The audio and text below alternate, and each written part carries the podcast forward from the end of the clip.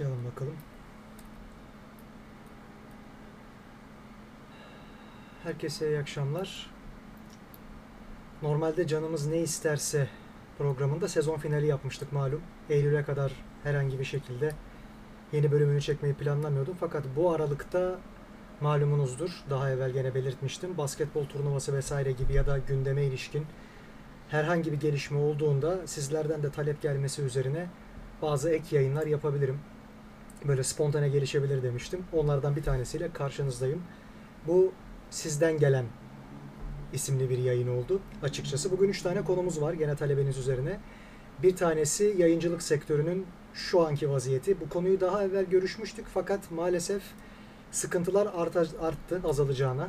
Bir ikincisi bu bildiğimiz üzere Babala TV'de bir mevzular programı var. Onun da bir açık mikrofon bölümü gerçekleştirildi. Oraya şu ana kadar iki tane siyasi lider katıldı.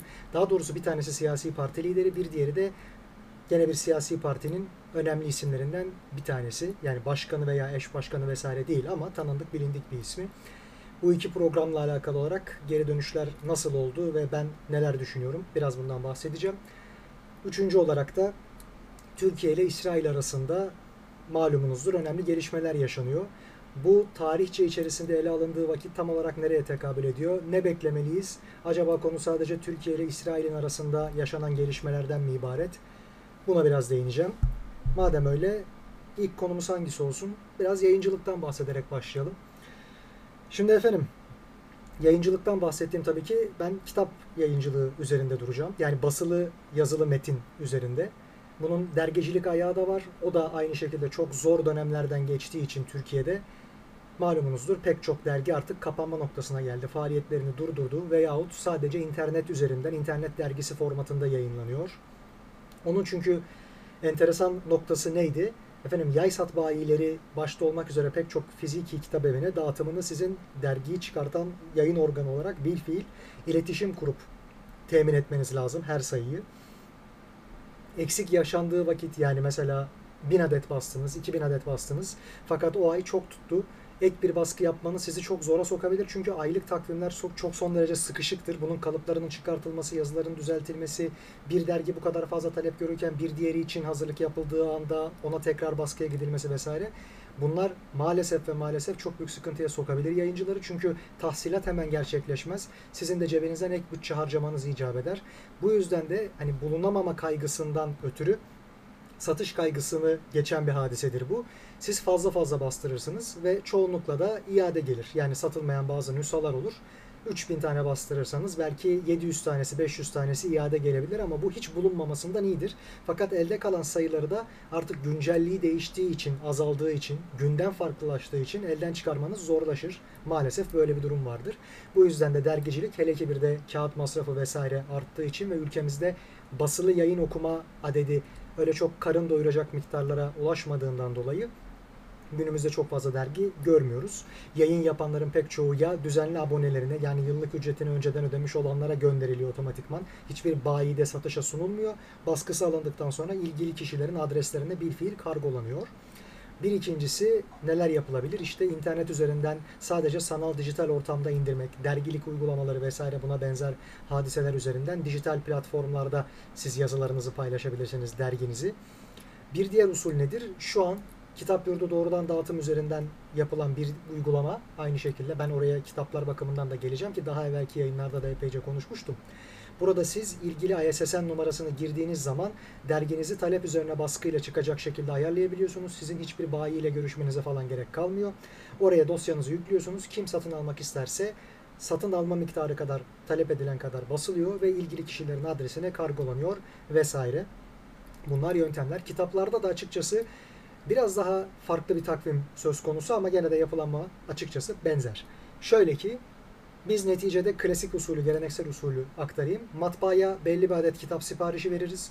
Bu sipariş bin adetten daha azı olmaz genelde. Çünkü bir matbaa makinesinin açılması tıpkı dövme makinalarında olduğu gibi yani vücuda yaptırılacak olan dövmenin makinesinin açılması, mürekkebinin kullanılması vesairesi gibi. Arabalarda da o ara gazı verip de hani marşa basıp arabayı çalıştırmak için harcanan benzin hep en fazla sarfiyatı maalesef beraberinde getirir ya aynı durum söz konusu. Makine açılışı zaten sizin asgari olarak 1000 kitap basmanız açısından çok fizibiliteyi öngörüyor. Aksi halde zarar etmiş oluyorsunuz. Yani 500 kitap bastırmakla 1000 kitap bastırmak arasında bir maliyet farkı yok temelde. Bu yüzden de siz bir kitabı asgari 1000 adet bastırırsınız. Çok daha az basmak isterseniz de giderseniz herhangi bir dijital baskıcıya, ozalitçiye vesaire numunelik belki 50 adet, 100 adet vesaire 10 adet, 20 adet bastırabilirsiniz. Fakat şöyle bir durum söz konusudur. Siz 1000 adet kitabı alırsınız. Geri kalan dağıtım süreci komple size aittir. Bu noktada ya doğrudan kitap evleriyle veya web satış platformlarıyla iletişim kurarsınız, irtibata geçersiniz yahut da onlara da mal tedarikini, ürün tedarikini yani kitapları veya benzeri ürünlerin tedarikini sağlayan bir takım dağıtımcılar vardır. Ara eleman gibi tıpkı nakliyat şirketlerine benzer şekilde, lojistik firmalarına benzer şekilde. Siz onlarla irtibata geçersiniz. Bu normalde kitap evleri açısından arzu edilen bir durumdur. Çünkü yaklaşık olarak faal 4000'den fazla yayın evi var. Toplamda 400 bine yakın açılıp kapanmış yayın evi olduğu söyleniyor Türkiye tarihinde. Bu 4000 tane yayın evinin her biriyle teker teker cari hesap tutmaktansa dağıtımcılarla bu hesaplarını tutarlar ve yayın evleriyle irtibatı dağıtımcılar sağlar. Yani bu kadar fazla sayıda insanla hesap kitap tutma ve onlara ödeme, sevkiyat vesaire işlerini dağıtımcılara yıkarlar. Onlar da aslında herhangi bir teknik uzmanlık veya bir üretim olmaksızın ara eleman bir nevi taşeron vasıtasıyla, bir sıfatıyla daha doğrusu bu eylemlerini güderler ve komisyondan kendileri pay alırlar satışta. Şöyle olur. Biz eğer bir kitap evine yahut da dağıtımcıya kitap göndereceksek kitabın etiket fiyatını buna göre hesaplarız. Nasıl ki şöyle bir kitabın ortalama 240 sayfalık bir kitabın üretimi kabaca diyelim şu an sadece farzumal bir miktardan bahsedeceğim. 8 TL 10 TL tutuyorsa eğer bunun üzerine siz yazara ödeyeceğiniz telif varsa o telif miktarını eklersiniz. Sonrasında yayın evleri olarak kitap evlerine veya dağıtımcılara uygulayacağınız iskontoları eklerseniz. Yani şu demektir. Etiket fiyatınız 50 liraysa sizin genellikle dağıtımcılarla anlaşmanız %45 ila 55 iskonto üzerinden o kitapları o dağıtımcıya vermenize dayalıdır. Sözleşmeniz böyle imzalanır. Aynı durum kitap evleri için de geçerlidir. Doğrudan onlarla sevkiyat yapıyorsanız. Yani 50 liralık kitabı siz onlara tanesi 25 liradan verirsiniz. Onlar da bu kitabı tanesini mesela 40 liraya, 45 liraya vesaireye satarlar. O yüzden de hep 50 lira üst fiyat belirlenmiş kitaplar sanki %5, %10 indirimdeymiş gibi görünür. Kimi yerlerde %30 indirimdeymiş gibi görünür. 50 lira üst fiyat olur fakat siz 40-45 TL'ye temin ederseniz, satın alırsanız müşteriler olur olarak. Bu hem müşterilere karşı bir yanıltmacadır. Yani indirimli ürün alıyorsunuz diye bir cezbetme mekanizmasıdır.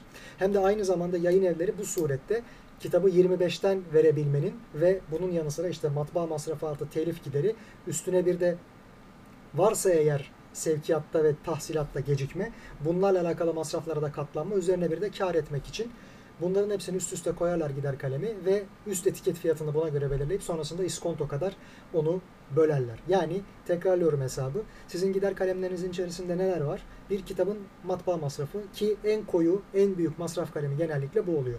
İki, varsa o kitabın yazarına vereceğiniz telif. Bu telif oranları değişebilir ama teamül gereği usuller %8 ila 15 telifin uygulanmasını hakkaniyete uygun görürler. Üçüncüsü tabii bu %8 ila 10 telif nereden hesaplanıyor? Üst etiket fiyatından hesaplanıyor. Ona göre bir varsayımsal miktar üzerinden şimdilik bu gider kalemlerini üst üste ekliyorsunuz. Matbaa masrafı artı telif gideri artı sizin tabii ki geliriniz üzerinden ödeyeceğiniz kurumlar vergisi artı yazarın telif gideri, telif ücreti üzerinden ödenecek bir de stopaj var. Yani onun gelirinin vergisi. Onu da yayın evlerinin ödemesi lazım. Bu dört giderin üstüne bir de uzun vadeli giderleriniz var. Nedir bunlar? Enflasyon olabilir. Yani giderek paranın satın alım gücü değerleş, değersizleşiyorsa, değer kaybediyorsa bu noktada sizin şimdi sattığınız fakat ödemesini 2-3 ay sonra alacağınız herhangi bir ürünün tahsilatı esnasında elinize geçen para eskisi kadar kıymetli olmayabiliyor. Bu yüzden de bir fiyat farkı gözetirsiniz. Varsa eğer şimdiki ekonomide olduğu üzere zamların gelme ihtimalleri, çok fahiş zamların veya peş peşe gelme ihtimali. Buna göre de şimdiden ön almak adına, tedbir almak adına daha fazla bir fiyat öngörebilirsiniz etiketin üstüne. Başka neler olabilir? Siz neticede iskonto ile vereceksiniz bu kitaplarınızı. 50 TL'lik bir kitabı siz dağıtımcıya 25 TL'ye veriyorsunuz. Dağıtımcı o 25 TL'lik kitabı kitap evlerine veya web satış platformlarına %50 yerine yüzde atıyorum ki 40 veya 45 iskontolu şekilde gönderiyor. Kendisi oradan 5 puanlık komisyon kazanıyor mesela %5'lik vesaire gibi düşünelim. Bunun sonrasında da onun üzerine bir 5-10 puan daha koyarak kitap evleri bunların satışını gerçekleştiriyor. Siz normalde kitap yurduna veya ne bileyim DNR'a, İdefix'e şuna buna baktığınız vakit Kidega'ya zannediyorsunuz ki kitabın üst fiyatı 50 TL. Aa bak orada %30 indirimli ne bileyim 25-30 TL, 35 TL falan yazıyor. Aa ne kadar güzel indirimli. Halbuki Zaten satılacağı bedel bu. Biz bunu doğru düzgün ayarlayıp bu gider kalemlerini üst üste koyduğumuz zaman kâra geçebilmek, zarar etmemek için üst fiyatı bu kadar fazla belirliyoruz. Kitap evi mağazaları dışında hiçbir yerde üst fiyattan satılmaz zaten bu yüzden de. Onlar niye bunu üst fiyattan satıyorlar? Çünkü oranın bir mekan kirası var, ışıklandırma ve personel gideri var, temizliği, bakımı vesairesi. Çoğunlukla AVM'lerin içerisindeler. Dolayısıyla fahiş miktarda kira ödedikleri oluyor vesaire. Bu yüzden de hiç iskontosuz indirimli aldıkları, iskontolu aldıkları ürünleri üst etiket fiyat üzerinden satarak kendileri masraflarının tamamını karşılamaya ve kâra geçmeye çalışıyorlar. Bir de üzerine şu var. Biz eğer ki ürünü şimdi satıyorsak dağıtımcılardan genellikle parayı 4 ila 6 ay sonra tahsil edebiliyoruz. Bu yüzden de dağıtımcılar bizden bir kitabın parasını peşin olarak vererek değil konsinye usulü alıyor. Bu malumunuzdur zincir marketler konusunda tekrardan Türkiye'nin gündemine gelen bir hadise. Konsinye usulü şöyle oluyor. Bizden sipariş edilmiş olan kitapları, bu siparişi bireysel olarak kişiler de verebilir, kitap evleri de verebilir. Stok olsun nasılsa ben bunu dağıtırım diye dağıtımcılar da öngörülü bir şekilde sizden sipariş geçebilirler, böyle verebilirler. Bu siparişlere konu kitapları sizden peşin parasını ödeyerek almaz genellikle. Yayıncıların %85'ine 90'ına uygulanan muamele budur. Çok büyük yayıncıysanız tabii ki her hafta tahsilat alabilirsiniz. Peşin parasını vermek suretiyle dağıtımcı kitaplarını sizden, kitaplarınızı sizden temin alabilir vesaire. Bunların haricinde piyasanın genel şartları içerisinde baktığımız vakit uygulama budur. Yani nedir? Biz kitaplarımızı, sipariş edilen kitaplarımızı dağıtımcılara verdiğimizde onlar bizden bunun peşin parasını ödeyerek almazlar. Ne derler bize? Sözleşmede de bu yazılıdır. Konsinye usulü alıyoruz. Yani ben senden bir kitabın 100 adet stoğunu aldım. 4 ay içerisinde ben bunun ne kadarını sattıysam sana o kadarının parasını vereceğim.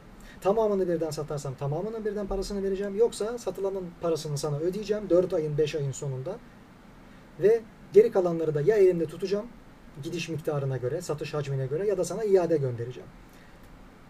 Aynı şekilde DNR'lar da mesela fiziki mağaza olsun, internet mağazası olsun doğrudan yayın evleriyle veya dağıtımcılarla irtibata geçtiklerinde şunu yapıyorlar.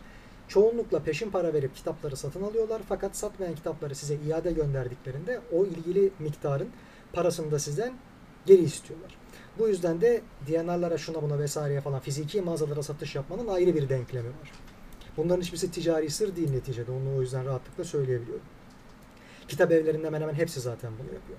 Ha konsinye usulü alış tabii ki dağıtımcılar bakımından çok karlı bir hadise. Fakat yayın evleri bakımından pek karlı bir hadise olmayabiliyor. Çünkü dağıtımcılarda da bir nakit trafiği, bir şöyle söyleyelim en azından hani giderleri karşılayabilmek adına klasik bir işletme meblağ, sıcak para olması gerekiyor. Onlar da eğer bankalardan alamıyorlarsa, ekonomik kriz varsa, sıkıntılar varsa, aldıkları para giderlerini karşılamaya yetmiyorsa, tıpkı matbaalarda olduğu gibi çek vesaire almak gibi bir ödeme aracını artık kabul etmiyorlarsa fakat kendileri çekle ödemek durumunda kalıyorlarsa yayıncılara yüklü meblağları, bunlar tabii ki arada yaşanan ekonomik kriz sıkıntıları oluyorlar. Bir de tabii şöyle bir durum var. Bazı dağıtımcılar zor günlerden geçebiliyor, el değiştirebiliyorlar, yönetim kadroları değişebiliyor vesaire vesaire. Toplu işten çıkarmalar şunlar bunlar olabiliyor. Kar etmeyebiliyorlar. Bu da tabii ki ticaretin bir parçası. Böyle durumlarda size o 4 ila 6 ayda değil 8-9 ayda ödeme yapıyorlar. Bu da tabii ki yayıncıları çok mağdur eden bir hadise. İşlerini bilmeyenler, maalesef çok fazla titizlenmeyenler, özen göstermeyenler de var Türkiye burası neticede. Onlar da tabii yayıncılara ayrı bir mağduriyet yaşatıyor. Bu saydığım özensizliği gösteren devasa kitap evleri de var. Onların isimlerini vermeyeceğim tabii ki. O gerçekten karalamaya girer. Ama zaten sektörün içerisinde olan herkes bunu 3 aşağı 5 yukarı biliyordur. Hatta okurlar da biliyordur müşteri şikayetleri vesaire konusunda. Bizim mesela yayın evi olarak halen daha neredeyse bir yıl evvel satışı gerçekleşen kitapların parasını tahsil edememişliğimiz vakidir. Bu yüzden de tabii ki farklı ödeme kanalları arıyoruz kendimize. Ne olabilir bunlar? Yani satış mecraları olarak konuşuyoruz. Birincisi Trendyol veya N11 hepsi burada vesaire vesaire gibi bir takım web satış platformları. Sadece ve sadece kitaplara ayrılmış hadiseler değil bunlar. Orada süpermarket gibi her türlü ürünü neredeyse alabiliyorsunuz. Burada da dağıtımcının komisyonuna benzer bir şekilde Trendyol sizden komisyon kesiyor veya Çiçek Sepeti, işte satış yaptığınız herhangi bir platform her neyse bunu buradan karşılıyor. Bir ikincisi neler oluyor? Kargo giderleri. Tabi şimdi Siz eğer gerçekten bir ürün sevkiyatında bulunuyorsanız kitap sevkiyatında kargo çok masraflı bir olay. Özellikle de son 2-3 yıldır ülkemizde döviz bu kadar arttığı için ve bizde dövizle alakalı olarak yakıt, enerji, petrol vesaire benzin alındığı için ve pek çok şeyin de maalesef ithal alınması sebebiyle petrole benzer şekilde dövize bağımlılığı bulunduğundan dolayı dövizdeki en ufak bir artış çok ciddi şekilde artıyor, yansıyor fiyatlara. Kargo fiyatları da bunların başlıcası. Özellikle salgın döneminde malumunuzdur kargo fiyatları çok çok arttı. Çünkü vazgeçilmez unsurların başlıcası haline geldi. Sokağa çıkma yasağı vardı. Sadece insanlar bir takım kapıya teslim kargo vesaire ürünleriyle, kuryelerle temin edebilmeye başladılar. Hayati ihtiyaçlarını, temel giderlerini. Bu da onlara hem fiyatlarına zam yapabilme cüretini sağladı. Hem de çünkü çok rağbet görüyor hizmet. Ayrıca da zaten dövize bu kadar fazla artış geldiği vakit, ekonomi kötüye gittiği vakit onlar da kendilerini kollamak adına bu tarifeyi güncellediler. Neler oluyor? Biz normalde kitapları gönderdiğimizde genel kolilerle gönderiyoruz. Bu kolilerin tabii ki belli bir desi miktarı var ve bunların da bir fiyat hesaplaması tarifesi oluyor. Hemen hemen her türlü kargo şirketi benzer fiyat tarifnamesine sahip. Bazıları devlet desteği olduğu için veya kayyum atandığı için kendilerine çok avantajlıydı. Onlar daha ucuza bunu karşılıyordu fakat onların görev zararı da tabii ki vergilerden karşılanıyor. Devletin kendine ait bir parası yok. Dolayısıyla hepsi neticede bir şekilde vatandaşın cebinden çıkan sıkıntılı hadiselere sebebiyet veriyordu. Aynı şekilde bazı dağıtımcılar yahut bazı kitap evleri diyelim kendi sevkiyat araçlarına sahip kendi elemanlarını gönderiyorlar. Yayın evlerinden toplu siparişleri her hafta koliler halinde satın alıyorlar, teslim alıyorlar veya ve bu sayede sevkiyatı araya kargo firması bulaştırmadan yapıyorlar. Fakat bu her türlü yayıncının faydalanabileceği bir durum değil maalesef. Soruyu gördüm, onu da cevaplayacağım aynı şekilde. Meraklanmayın. Devam edelim. Şimdi bu kargo giderlerine siz web satış platformlarından işte Trendyol'dan, N11'den vesaire katlanmıyor musunuz? Katlanıyorsunuz. Fakat bu tarz mağazaların anlaşması çok daha karlı, hesaplı her iki taraf açısından da hatta her üç taraf açısından da. Çünkü neticede bunun belli bir kısmına satın alan kişi müşteri katlanıyor. Belli bir kısmına satıcı katlanıyor. Belli bir kısmında Trendyol kendisi karşılıyor. Böylesi bir güzel bölüştürme olayı olduktan sonra çok daha karlı bir imkan sağlıyor bize ve ödemeleri çok daha haftalık yahut aylık olarak hesaplandığı vakit dakik. 4-5 ayda 6 ayda vesaire almaktansa siz aylık yahut haftalık düzen içerisinde bir ödeme tedarikinde bulunuyorlar. Bunu sağlayabiliyorsunuz. Onu da söyleyeyim. Cümleyi tam kuramadım kusura bakmayın. Yani özetle şöyle söyleyeyim. Sizin klasik olarak alışverişleriniz içerisinde tercih ettiğiniz platformlara göre tedarikçilerin, ürün satan kişilerin, bu kitap da olabilir bizde olduğu gibi o ücretleri tahsil etme takvimi var. Neler oluyor bunlar? Eğer ki dağıtımcılardan yahut kitapçılardan, kitap evlerinden vesaire doğrudan veya dolaylı bir şekilde alışveriş yapılıyorsa bunlar 4-5 ayda kimi zaman 1 yılda ödeniyor.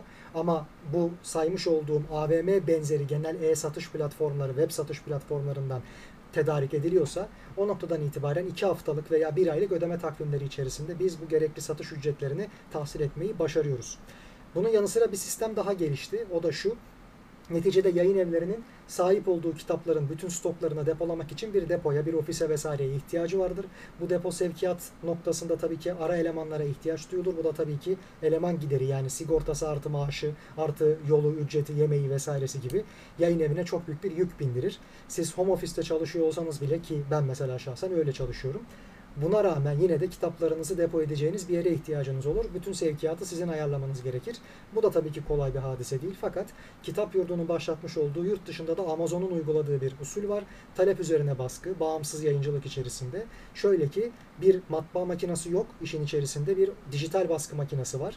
Matbaanın içerisinde bir dijital baskı makinesinden siz her gün oraya yüklemiş olduğunuz dijital kopyasını diyelim oraya yüklemiş olduğunuz, dokümanlarını yüklemiş olduğunuz her türlü kitabı satışa sunuyorsunuz. Kitap yurdunda mesela böyle oluyor. Ve sonrasında kitap yurdu bunu satışa çıkartıyor. Kim ne kadar satın alırsa o gün o miktarda kitap basılıyor, üstüne bandrol yapıştırılıyor ve ilgili kişiye sevk ediliyor. Dolayısıyla sizin hazırda matbaadan herhangi bir stok almanıza, 1000 adet kitabı, 2000 adet kitabı alıp depolamanıza gerek kalmıyor. Hiçbir depo tutmanıza gerek duyulmuyor. Gerekse eğer siz başka yerden satış yapacaksanız o kitaplara dair siz belli miktarı gene kitap yurdundan satın alıyorsunuz yayın evi olarak. Tabi bunun özel iskontosu oluyor. Bu noktadan itibaren siz satın aldığınız bu kitapları isterseniz dışarıda başka bir yerde satın Trendyol'da veya diğer kitapçılarda başka web kitapçılarına verebilirsiniz. Bunlar mümkün. Yahut da kendi internet sitenizden satabilirsiniz vesaire. Yani artık depo tutmanızı da gereksizleştiren çok güzel bir çağa girildi. Ben de neticede bunu kullanan yayın evlerinden bir tanesi olduğumuzu söylemek istiyorum. Bu sayede zaten giderler son derece azaltıldı. Ayakta kalabilmesi sağlandı butik ve küçük yayın evlerinin. Biz de onlardan bir tanesiyiz. Bu usul sayesinde şöyle bir iki tane daha artı var. Birincisi özellikle bu KDD kitap yurdu doğrudan dağıtımında ödeme takvimi tıpkı Trendyol'da veya diğer web satış mağazalarında olduğu gibi dağıtımcılara kıyasla çok daha dakik, çok daha kısa süreler vadeler içeriyor. Bir ayda, iki ayda siz bugün satmış olduğunuz herhangi bir kitabın ücretini tahsil edebiliyorsunuz. Aynı zamanda muhasebesi de çok daha tıkır tıkır işliyor. Kalem kalem rahatlıkla görebiliyorsunuz. Arayüzleri de çok daha iyi. Gel gelelim şöyle bir durum var. Onlarda da bir minimum fiyat uygulaması var. O minimum fiyat uygulaması şu. Siz kitabınızın satış fiyatına kafanıza göre karar veremiyorsunuz. Daha doğrusu belli sınırlar dahilinde kafanıza göre karar verebiliyorsunuz. O da şudur. Kitap yurdu sizden veya KDD sistemi için anlatıyorum. Bununla alakalı dijital baskı, talep üzerine baskı yapan her türlü ortam size şunu söylüyor. Biz satılan her türlü kitapta ortağız. Yani size belli bir baskı masrafı vesaire gibi bir ücret almıyoruz sizden yayıncı olarak. Ne yapıyoruz? Şöyle biz sadece oraya kitabın dosyasını yüklüyoruz. Kapağını artı iç baskı yapılacak metin, sayfalar her neyse onun mizampajlı halini, pdf'ini yüklüyoruz. Diyorlar ki bunu biz her nüshasını 10 TL'ye basarız. Üzerine kendi karımızı ekleriz. Neticede biz bir iş yapıyoruz. Aynı zamanda sevkiyatını da yapacağız bunun. Oradan da tabii ki bir takım ücret talep edeceğiz sizden. Üstüne bir de sizin hak ediş benzeri bir karınız olacak. Yani sizin yazara verdiğiniz telife benzer bir şey de burada ortağınızdan siz hak ediş şeklinde alıyorsunuz her satışta.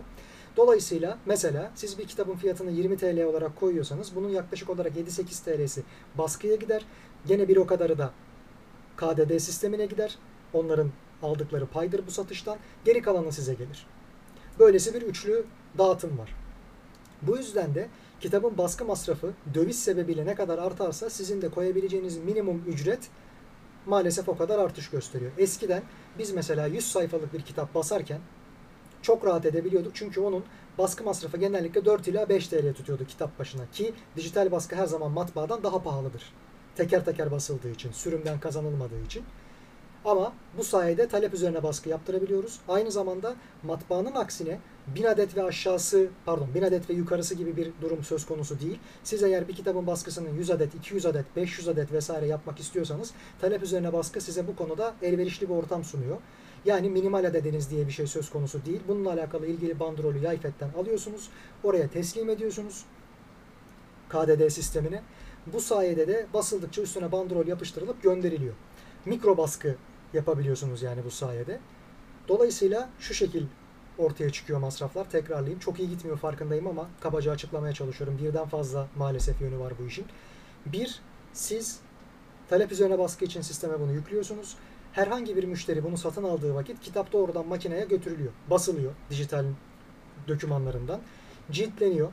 Bunun bir baskı maliyeti var. 5 TL mesela.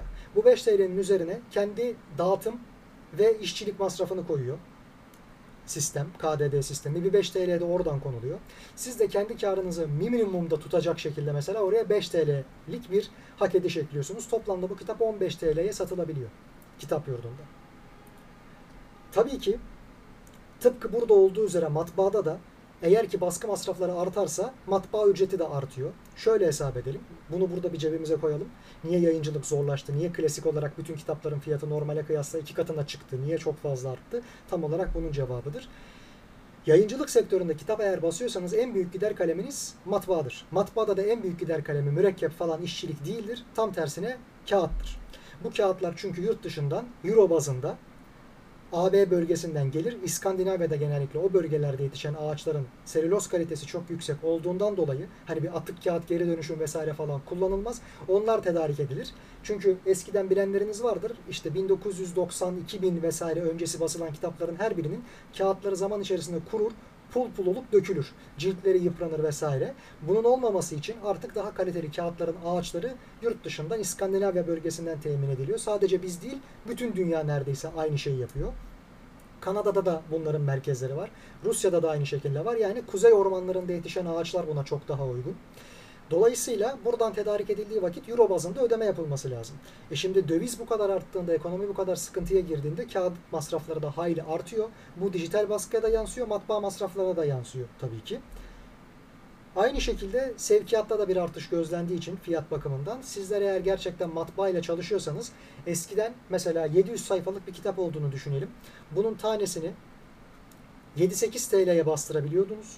Sonrasında bunun baskı masrafları biz bu işe girdiğimiz zaman mesela 10-11 TL'ye kadar çıktı. Yani 1000 adedini 11.000 TL'ye bastırabiliyordunuz. Sonra 15.000 TL'ye kadar çıktı. Ve tabii şöyle bir durum var. Matbaa makinalarında tekrar makine açma gibi bir şey söz konusu olmasın diye eğer satış hacmi yüksek kitaplardan bahsediyorsak 1000 değil 2000 basmayı daha fazla istersiniz. Çünkü her 1000 adet artışta %5'lik bir indirime gidiyor kitabın tanesinin basılma maliyeti noktasında. Bu yüzden de siz çok satan kitaplarınızı 2000, 3000, 5000 vesaire bastırıyorsunuz. Toplamda daha fazla para ödüyorsunuz ama orantısal olarak, göreceli olarak daha ucuza geliyor her bir kitap.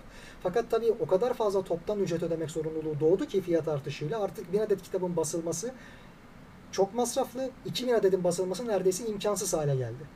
Bu noktadan itibaren de matbaa ile çalışmayı kesenler çok oldu.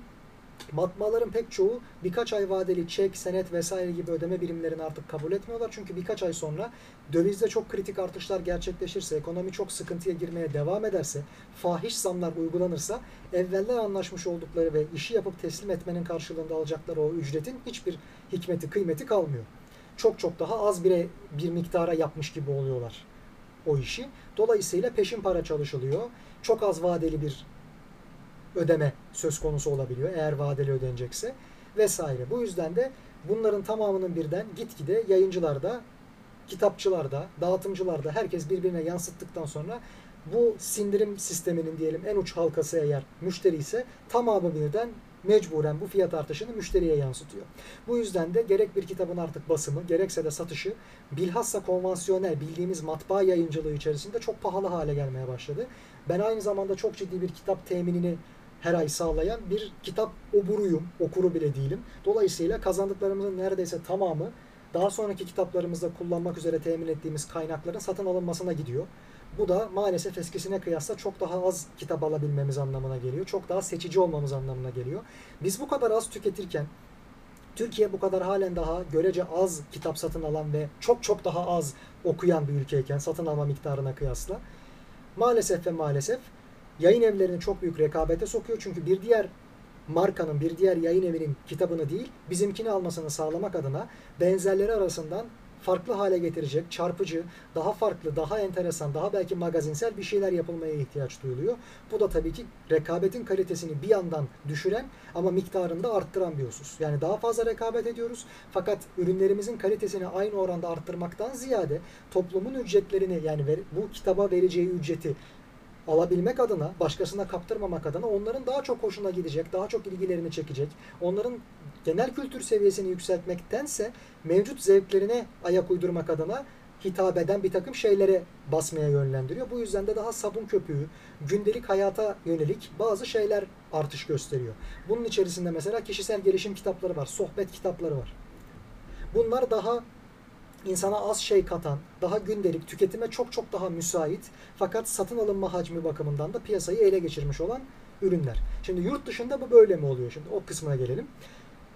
Hangi yurt dışından bahsettiğimize göre değişir. Mesela Amerika'yı örnek alırsak veya Avrupa'yı örnek alırsak süreli yayın, periyodik yayın dediğimiz dergiler bunların tüketimi bizim ülkemize kıyasla çok daha düzenli ve çok daha fazla. Aynı şekilde kitapların da 80 milyonluk bir nüfus yerine Amerika için konuşuyorum. 400 milyonluk bir nüfusa satılabildiği yani kendi diliyle basılan kitapların 400 milyonluk bir nüfusa satılabildiği, aynı zamanda dünyanın hemen hemen her türlü ülkesi artık İngilizce bildiği için oralara da o kitapların satılabildiği, bunun yanı sıra herkesin gözü kulağı Amerika'da vesaire olduğu için, en saygın dediğimiz yayın evleri orada bulunduğu için, orada basılan kitapların yayınlanma haklarının telif haklarının yani yurt dışına pazarlanabildiği bir ülkeden bahsediyoruz. Bu yüzden de onların durumu çok daha evla, çok daha iyi. Üstüne üstlük oranın halkı kitap okumak noktasında bize kıyasla daha maalesef avantajlı, daha fazla kitaba rağbet ediyor. Dolayısıyla birken 5 oluyor onların avantajı Türkiye karşısında. Amerika gibi ülkelerin, Almanya gibi ülkelerin ki Almanya'da dergi okunması miktarı oranı bütün dünya ülkelerine kıyasla çok daha fazla. Ki nüfusları o kadar kalabalık değil dünya ölçeğinde bakarsak. Avrupa genel ölçekte baktığımız vakit çok fazla kitap tüketir. Bilhassa kuzey ülkeleri. Bu yüzden de orada az yayın evi olsa bile çok kitap basılır. Çünkü bunun bir geri dönüşü vardır. Yani ticaret kısmını sağlama almışlardır. Bunun yanı sıra kendileri üretip kendileri o kağıdı bir şekilde kullandıkları için herhangi bir sevkiyat yapmak zorunda kalmadıkları için o ürünü basarken bize kıyasla çok daha ucuza mal ediyorlar. Çok daha ucuza satıyorlar. Aynı zamanda da bütün dünyaya hem kağıt satışı var ham madde olarak hem de mamul katma değerli ürün satışı var kitaplar bazında. Hem kitaplarını satıyorlar kendi dillerinde basıp yayınladıkları hem de üzerine onları başka dile çevirecek şekilde haklarının pazarlamasını sağlıyorlar. Bu yüzden de bize kıyasla çok daha avantajlılar. Bizim ürünlerimiz o kadar fazla rağbet görüyor mu yurt dışında? Dizilerimiz kadar değil, filmlerimiz kadar değil. Diziler çok daha fazla çevrilip yayınlanma oranına sahip. Özellikle de Türk dünyasında veya Orta Doğu coğrafyasında diyelim. Kitaplarımız o kadar fazla rağbet görmüyor maalesef. Balkanlara, Kafkaslara doğrudur. Orta Doğu'ya satışımız var. Fakat mesela bir Amerika'ya, bir İngiltere'ye, bir Almanya'ya, Fransa'ya, Rusya'ya vesaire kitap satışı yapmamız çok rastlandık bir hadise değil. Çok çok çok çok çok seçkin ve az bir kitle. Azınlıktaki bir kitle bunu yapabiliyor. Genellikle de zaten buradan öğrenecekleri bir şey olmadığını düşünen, böylesi bir kibre kapılan diyelim yurt dışı erkanı, bu bahsetmiş olduğum muteber ülkeler Türkiye gibi ülkelerden çıkmış olan yayınlara pek fazla bakmıyor. Pek fazla tenezzül ve tevekkül, tevessül etmiyor. Dolayısıyla da teveccüh de göstermediği için biz sadece kendi satım halimizde, kendi ülkemizin sınırları dahilinde insanlara kitap okutmaya çalışıyoruz. Kitap pazarlıyoruz mecburen belli bir kısmında. Geri dönüşü çok tatmin edici mi? Hayır değil. Ama kitap satmanın farklı usulleri de var. Kişilerin kendilerini el altından demeyelim ama kitapçılara maruz kalmaksızın, onlara zorunlu olmaksızın satabildiği bir çağda yaşıyoruz. Kişi kendi kitabını kendisi bastırabilir. Eğer satış kanalları konusunda bir avantajı varsa bunu hiç araya başka dağıtımcı aracı vesaire koymaksızın yapabilir ve ücretini çok daha kolay tahsil edebilir. Bunun için yayın evi olmasına gerek yok, kurumsal kimliğe sahip olmasına gerek yok. Onu da bildirelim. Bunun haricinde neler var? Belediye gibi, vakıf gibi, dernek gibi bir takım toplu organizasyonlar yahut imza günleri vesaire çerçevesinde toplu satışlar gerçekleşebilir. Bu yüzden de malumunuzdur pek çok konuda olduğu gibi kitap satışı konusunda da fuarlar şurada burada vesaire bu konuda çok fazla rağbet görüyor bu noktada. Gel gelelim fuarlar eskisi kadar cazibe merkezi olmaktan çıktı. Gerek müşteriler, okurlar için, gerekse de yayıncılar için. Bunun temel sebeplerinin içerisinde fuarların çok masraflı olması var. Onlar da belki ancak örtüştürebiliyorlar masraflarına kıyasla elde ettikleri ücretleri. Elde ettikleri ücretler şu oluyor. Metrekare bazında stand kurulacak yer pazarlıyorlar yayın evlerine. Bu metrekare bazındaki fiyat genellikle çok yüksek oluyor. Onu da söyleyelim. Muteber fuarlar için konuşuyorum. Eskiden belediyelerin düzenlediği fuarlar ücretsiz olurdu bu noktada yayıncılar adına. Yayıncılardan herhangi bir stand ücreti, metrekare ücreti talep edilmezdi. Şimdi maalesef bundan da vazgeçildi. Ya hiç fuar yapılmıyor. Belediyelerin çoğunda kasa tam takır olduğundan dolayı. Gerekse de kültür sanat aktivitelerine artık bu kadar fazla önem vermemeleri salık, edildi, salık verildiği için kendilerine tavsiye edildiği için diyelim tavsiye kelimesi burada biraz indirimli, güzel, ılımlı bir kelime. Böyle tavsiye edildiği için kendileri artık buradan bir stand ücreti talep etmeye başladılar. Yahut dediğim gibi bu organizasyonları çok daha seyrek düzenliyorlar veya hiç düzenlemiyorlar. Böyle bir durumda söz konusu. Aynı zamanda orada böylesi masraflara katlanan yayın evleri bir de üstüne personel gideri, onların yol masrafı, yemek masrafı bunları karşılamak durumunda. Aynı zamanda tabii ki stand kurduğu için bir kargo sevkiyatı yapacak. Yani ürünlerini, kitaplarını oraya getirecek, götürecek. Bu da ayrı masraf. Bunun yanı sıra tabii ki üst fiyattan daha ziyade satmak zorunda kalacak kitapların tıpkı kitap evlerinde olduğu gibi. Çünkü aynı masraflar devreye giriyor. Kısa süreliğine ama mecburen rağbet görmesi için böyle yapılıyor.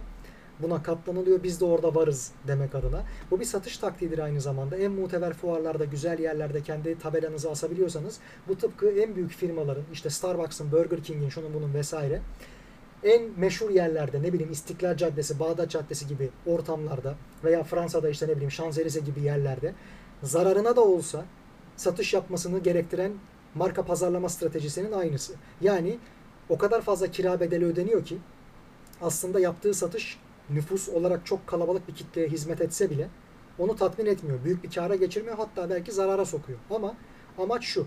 Biz o zararı zaten başka şubelerin karıyla dengeleriz, karşılarız. Amacımız biz en fazla cazibe merkezi olarak görülen yerde varız. insanlara bunu anlatabilmek. Bunun ispatını ortaya koyabilmek. Fuarlar da benzer bir yöntem olarak çalışıyor yayın evleri bakımından. Ama şöyle bir durumda var. Tabii siz yazarlarınızı eğer imza günleri kapsamında oraya getirebiliyorsanız insanların o fuarlara gelmesi için ayrıca bir sebep de doğuyor. Çünkü kitap fiyatları az evvel de bahsettiğimiz üzere bunca masraf eklendikten sonra eskiden olduğunun aksine kitap fuarlarında çok ucuza alınamıyor. En hesaplı bir şekilde siz kitap fuarlarına gittiğinizde alamıyorsunuz artık o ürünleri. Niye? Bu bahsettiğim kalemler, bu masraflar işin içerisine giriyor. Çok teşekkürler. Hoş geldiniz. Sefalar getirdiniz Zafer Bey. Neler oluyor? Tıpkı işte bir fiziksel kitap mağazasında, kitap evinde satın almak gibi fuarlarda da üst fiyattan alıyorsunuz. Bu yüzden pek çok insan ya hiç gelmemeye başladı, okullarda aynı şekilde ya hiç gelmemeye başladı ya gelip kitap alacak paraları yok.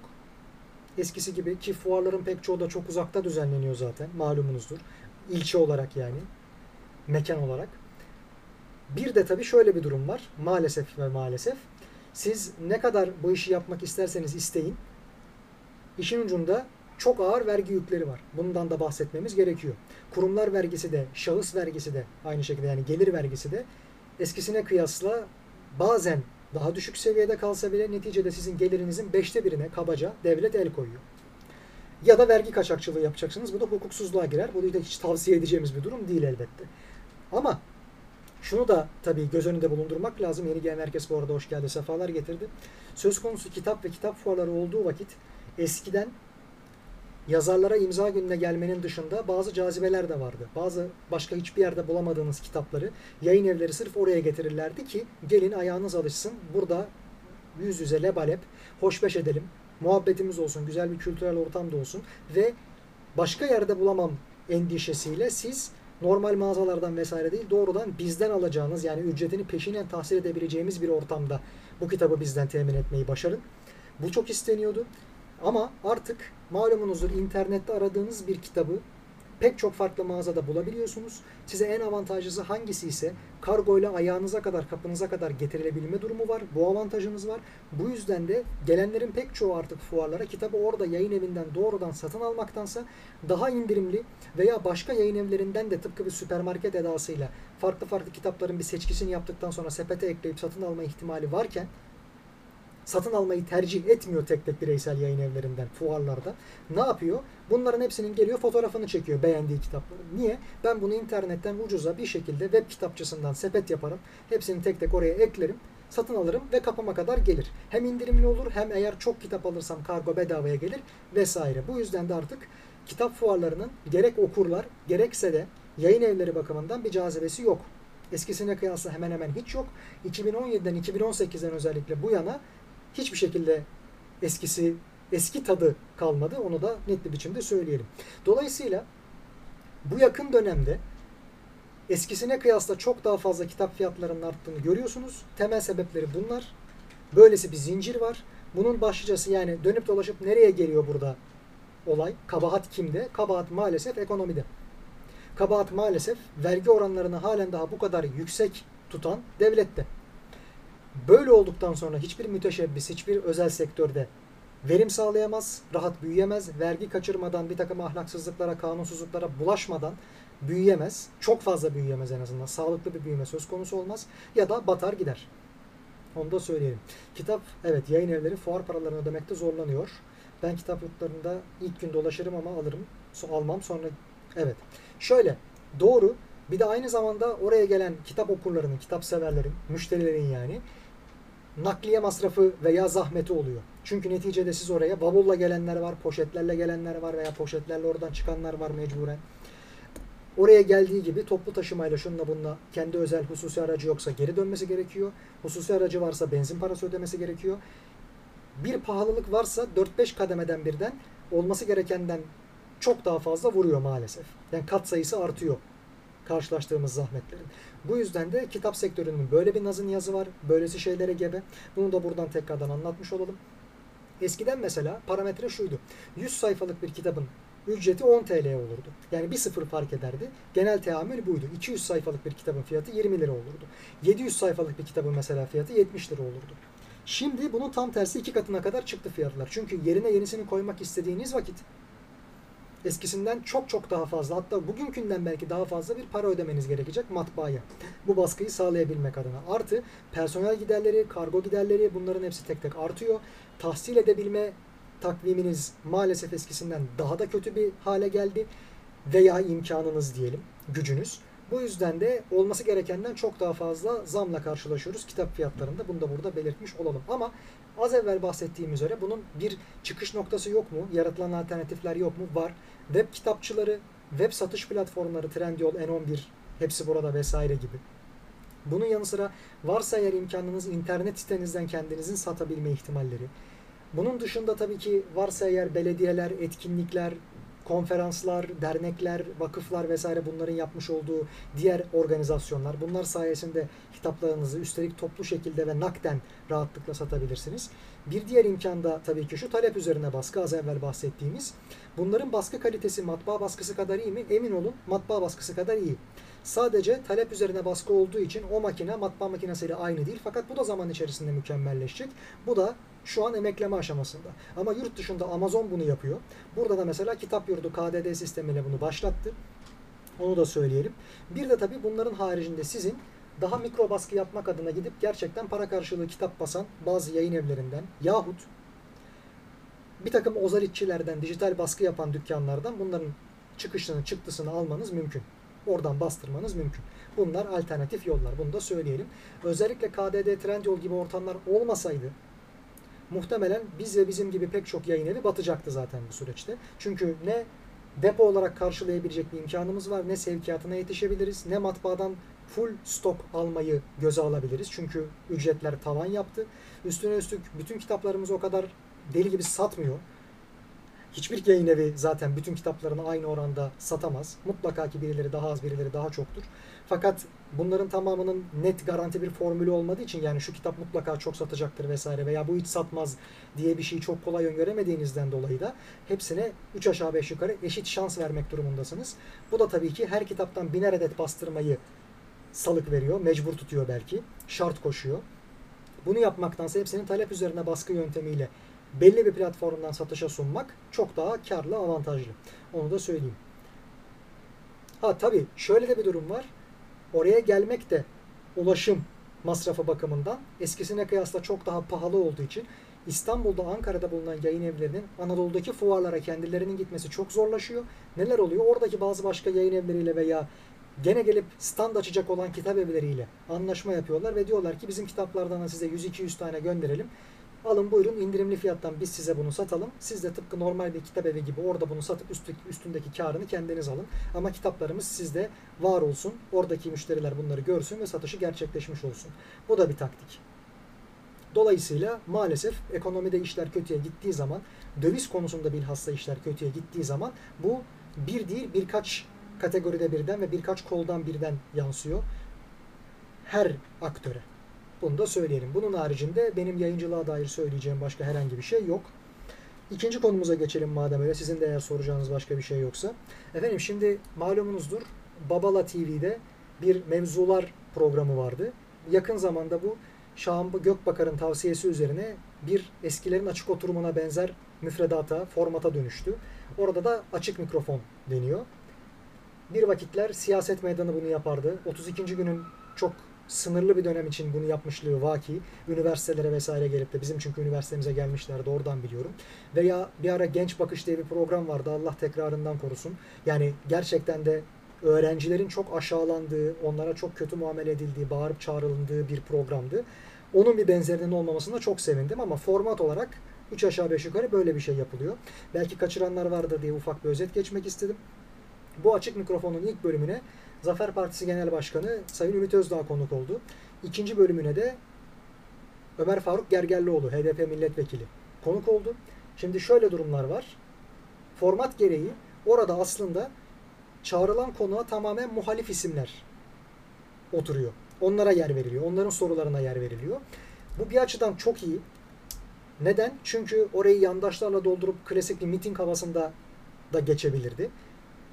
Buna çok fazla imkan tanınmaması güzel. Yani verimli geçiyor en azından. Bizim bir işimize yarıyor seyredenler veya katılanlar oraya sorularını sormaya gelenler adına. Çünkü şehir dışından vesaire gelenler de varmış. Bu tarihi bir fırsat çünkü nicedir yok olmuş olan bir kültürdü. Bir ikincisi ilk programda sorular önceden temin edilmemiş. Bu Ümit Hoca'nın bir dezavantajı oldu.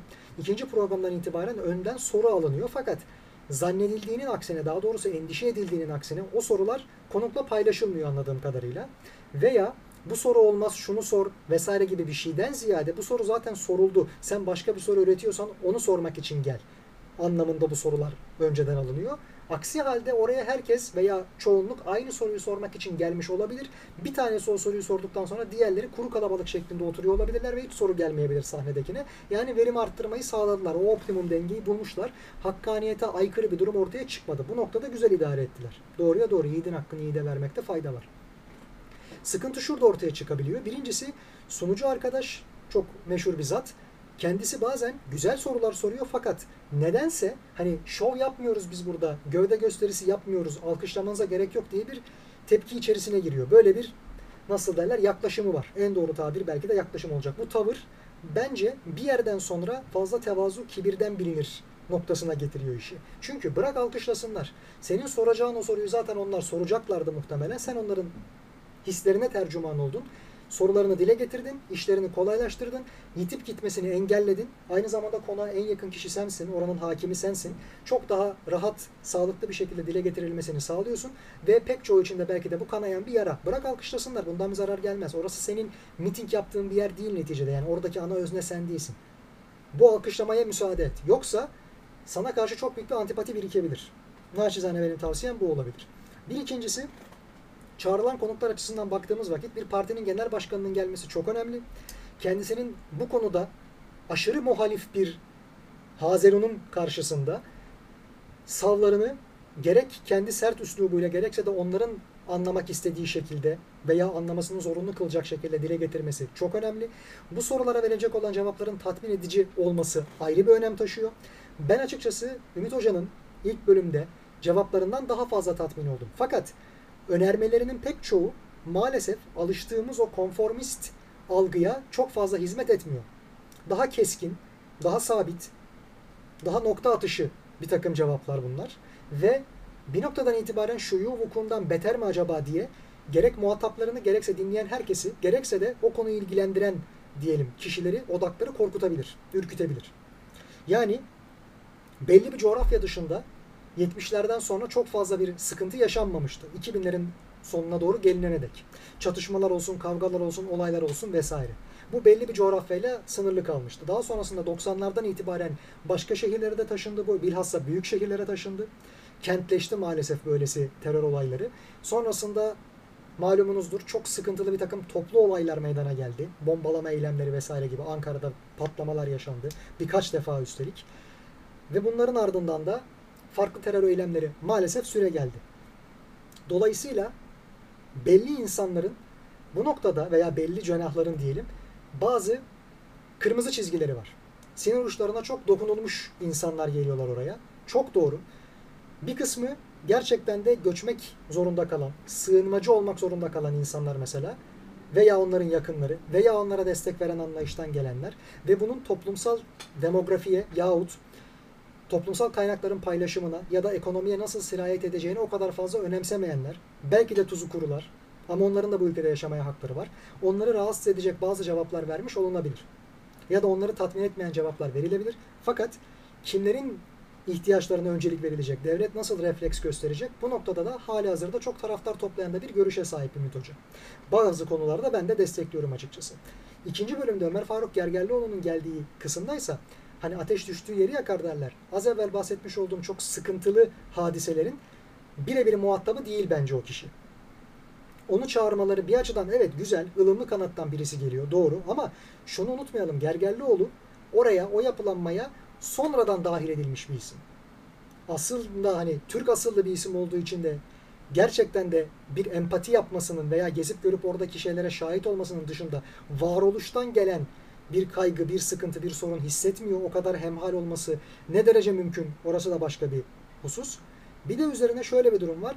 Genel kültür seviyesi bakımından bunları gerçekten tatmin edici bir cevap veya olan biten her şeyi uluslararası konjonktürde ne kadar iyi algılayabilir ve bunlara cevap verebilir. Bu konuda ben biraz kaygılandım. Tatmin etmedi beni kendisinin verdiği cevaplar. Evet empatiye yapmış olduğu vurgu güzeldi. Buna denecek bir hadise yok. Fakat argümanlarının pek çoğu 2000 öncesi ya da açılım sürecinin öncesi diyelim sıkıntılardı. Onların sloganlarıyla sürekli cevap verdi. Bu zaman o zaman değil. O dönemlerde konuşulmuş olan pek çok şey artık giderildiği için bu dönemde o hareketin veya onun maalesef ki iltisaklı bulunduğu o yapılanmayı da kurmuş olan terör örgütünün bu tarz argümanlara dayanma gibi bir ihtimali kalmadı. Artık başka bahaneler bulmak zorundalar veya bahane diye bir şey bulmadan doğrudan taarruza geçmekle kendilerini mükellef hissediyorlar. Çünkü bu işin bitmesini istemiyorlar. Yani barışın gelmesini istemiyorlar. Doğruya doğru. Bu yüzden de kişinin verdiği cevap sunucunun da bir ara çok güzel değindiği üzere konukların zekasıyla alay etmeye giriyor. Biliyorlar artık. Yani herkes biliyor. O yapılanmada biliyor. O konuşan konuk da biliyor. Oradaki herkes de biliyor. Tribündeki diyelim. Koltuklardaki herkes de biliyor. Bizler de dinleyenler olarak biliyoruz. Anlattığı gibi değil o işler. Kaldı ki kendisi bu konuda birinci muhatap sayılabilecek bir isim de değil. Maalesef bu noktada bir talihsizlik olmuş. Yani sivil kanattan gelen bir isimden bahsediyoruz. Mesela bir Leyla Zana'nın gelmesiyle aynı durum değil. Ahmet Türk'ün gelmesiyle aynı şey değil. Veya Demirtaş'ın gelmesiyle de aynı şey olmayacaktı. Pervin Buldan'ın oraya gelmesiyle de aynı şey değil. Çünkü gerçekten de o partinin sivil kanadını temsil ediyor. Ha sivil kanattan birisinin gelmesi çok mu kötü? Hayır. Çok daha belki entelektüel insanların bulunduğu bir kesimdir sivil kanadı o partinin. O yapılanmanın diyelim. Ama bu noktada da çağrılacak isim mesela Gergerlioğlu mu? Ben şahsen Sezai Temelli'nin çağrılmasını tercih ederdim. Veya orayla ilişkisini koparmış olan fakat en kritik süreçlerde o partinin bir üyesi olmuş bulunan Sayın Altantan'ın gelmesini tercih ederdim. Bu noktada çok daha ayakları yere basan, arka planı sabit, sağlam, tatmin edici cevaplar verilebilirdi. Veya onun söyledikleri Aa, gerçekten de gerçek budur ve ister beğenin ister beğenmeyin biz bunu savunmaya devam edeceğiz noktasında insanlara net bir cevap vermiş olabilirdi. Ümit Özdağ'ın yapmış olduğu gibi. Gergerli, Gergerlioğlu'nun yayınında böyle bir şey olmadı. Sürekli olarak insan hakları, ben çok romantik bir insanım, ben herkesin insan hakkını savunurum, ben aslında doktorken şöyle şeylere şahit oldum gibi bir takım geri bildirimlere şahit olduk biz. Yani bunları dinledik ve yaklaşık olarak 4 saat sürdü. O yayın toplamda 7 saat sürmüş organizasyon. Yani biz onlardan yaklaşık bir 3 saatlik kesintinin yaşandığı versiyonu seyrediyoruz. Şimdi bu olaylar nasıl başladı onun da bir analizini yaparız. Nasıl bir kanayan yaradır o durumlar. Ama şunu hiç unutmamak lazım. Bence ilk bölüm ikinci bölümden çok daha güzeldi. Çok daha tatmin ediciydi. Söylenen şeyler bu toplumun artık duymak istediği bazı hadiselerdi. Kıvırmaca yoktu. Dümdüz konuşuluyordu. Bu biraz konformizme alışmış, diplomasiye haddinden fazla alışmış, hareket etme, eyleme geçme, aksiyon alma gibi durumlarda biraz artık atıl kalmaya başlamış olan topluluğun hoşuna gitmemiş olabilir. Veya hakiki muhatabını ürkütmüş de olabilir. Bu da ayrı bir konu. Buradan bakıldığı vakit oradaki problemlerin net bir şekilde görülebilmesi kolay değil. Burası da vaki. Ama istihbaratın teorisi konusunda Türkiye'de otorite olmuş bir insandan bahsediyoruz. Askeri harekat noktasında ailecek geçmişleri sağlam. Dolayısıyla verdikleri cevaplar, önerdikleri çözümler hiç değilse etkinliği, verimliliği belli ölçüde kanıtlanmış, ispatlanmış hadiseler. Bugün olmasa bile yarın bu önlemlerin bazılarını almakta fayda olacak. Aslında Sayın Ümit Özdağ'ın dile getirmiş olduğu pek çok çözüm başka çare kalmadığı için bir imdat çığlığı. Son çare olarak artık bunlar gündeme getiriliyor. Yani maalesef ve maalesef daha şiddet, daha katı, daha sert ve daha tez uygulanması gereken bazı tedbirlerin çağına girdik. Eskisi gibi pek çok şeye müsamaha gösteremeyiz. Biraz daha sabret, gör, bekle, belki işler daha farklı ve güzel gelişir denilecek noktada değiliz. Son noktadayız. Kırmızı çizgimize yaklaştık. Bu yüzden biz bunları dile getiriyoruz diyorlar. Dünyanın pek çok ülkesinde de işler zora girmeye başladığında, memnuniyetsizlikler arttığında şiddet tedbirlerin sayısı artar. Bunu dile getiren odakların sayısı artar. Bu yadırganacak bir durum değil çünkü devletlerin temel refleksidir veya oranın asli unsurunu teşkil eden halkların temel refleksi budur. Bu yadırganacak bir konu değil. Diğer taraftaysa Ömer Faruk Gergerlioğlu'nun yayınında baktığımız zamansa sanki ortada gerçekten silahlı bir örgütün kurduğu bir yapılanma olmayan, sırtını onlara dayamamış veya yurt dışındaki pek çok farklı yapılanmaya veya bu devletin bu ülkenin içerisinde bir takım bazı işbirlikçi unsurlara dayanmamış olan bir partinin temsilcisiymiş de olayın sadece birbirine çiçek uzatarak veya bazı temel haklar temin edilerek diyelim çözülmesi mümkünmüş gibi bir hava estiriliyor. Bunun böyle olmadığını açılım sürecinde gördük. Oraya gelene dek dil konusunda milletin adı vesairesi konusunda bunların tarihçesi konusunda pek çok adım atıldı. Devlet taviz verme noktasına kadar ya da hükümet diyelim taviz verme noktasına kadar pek çok müsamaha gösterdi. Kendilerine ait kanalları oldu bu yapıların. Fakat gene de yetinilmedi. Demek ki bu noktadan sonrası zaten artık federasyon ayrışma kapsamına girer. Çünkü mesela ana dilde eğitim. Ana dilini de öğrenmesi başka bir şey. Her şeyi ana dilde öğrenmesi başka bir şey. Hemen hemen hiçbir büyük popülasyonlu ülkede, büyük nüfuslu ülkede böyle bir şeye zaten izin verilmez. Çünkü anlaşma gibi bir şey sağlanamazsa eğer devlet kurumları veya bazı meslek kolları veya bazı vatandaş kitleleri arasında zaten siz millet değilsiniz demektir. Bu yüzden de kendi dilinizi tabii ki öğrenin, kendi edebiyatınızı tabii ki yaşatın.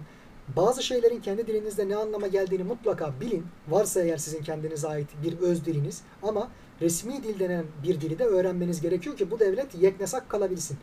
Aksi halde mesela Almanya'da Türkçe'ye dair, Türkçe öğrenim görülmesine dair bir takım tavizler verilmişti. Sonrasında baktılar ki bu gençlerin hiçbirisi Almanca bilmiyor. Almanca bilerek, öğrenerek yetişmiyorlar.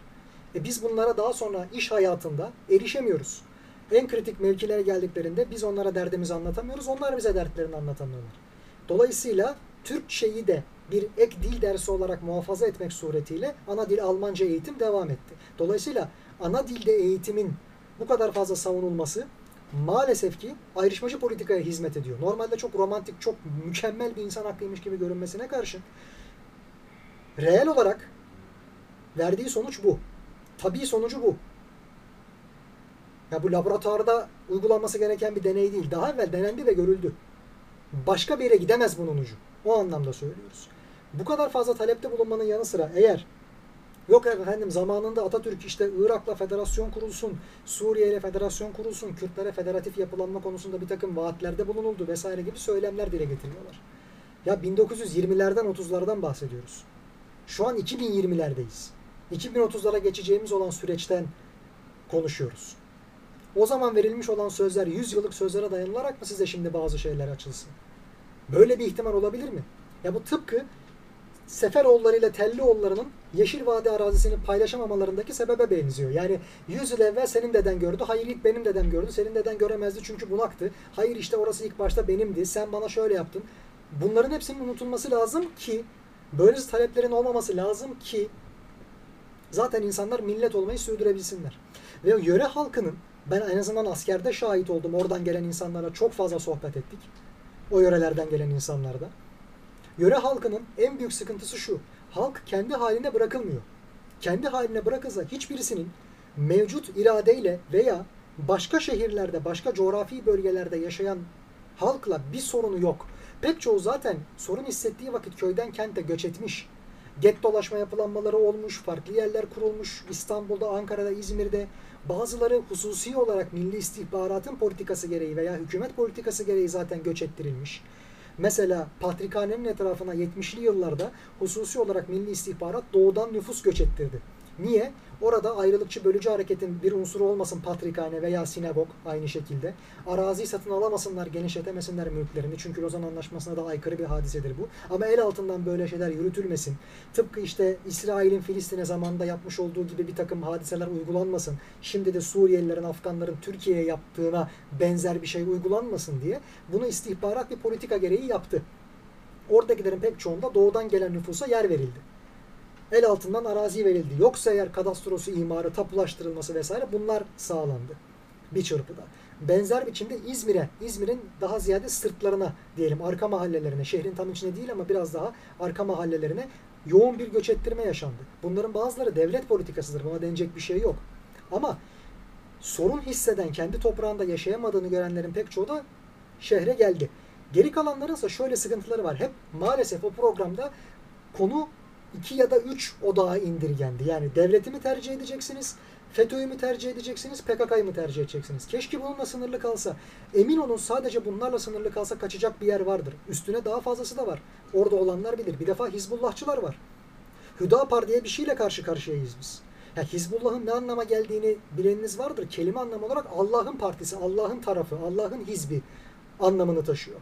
Yani resmen hani Selefiliğin bir başka boyutu bu. Veya Muaviye'nin zamanda Sıffin Savaşı'nda Hazreti Ali'ye karşı savaşırken diyelim yapmış olduğuna benzer bir katakulli bu. Mızrakların ucuna Kur'an'dan sayfalar, ayetler geçirdiler yazılı. Niye? Biz din adına savaşıyoruz demek için. Ne demek ya? Böylesi büyük şirk koşmak olabilir mi? Biz Allah'ın partisiyiz. Nereye dayandırılıyor meşruiyet açısından bu mücadele?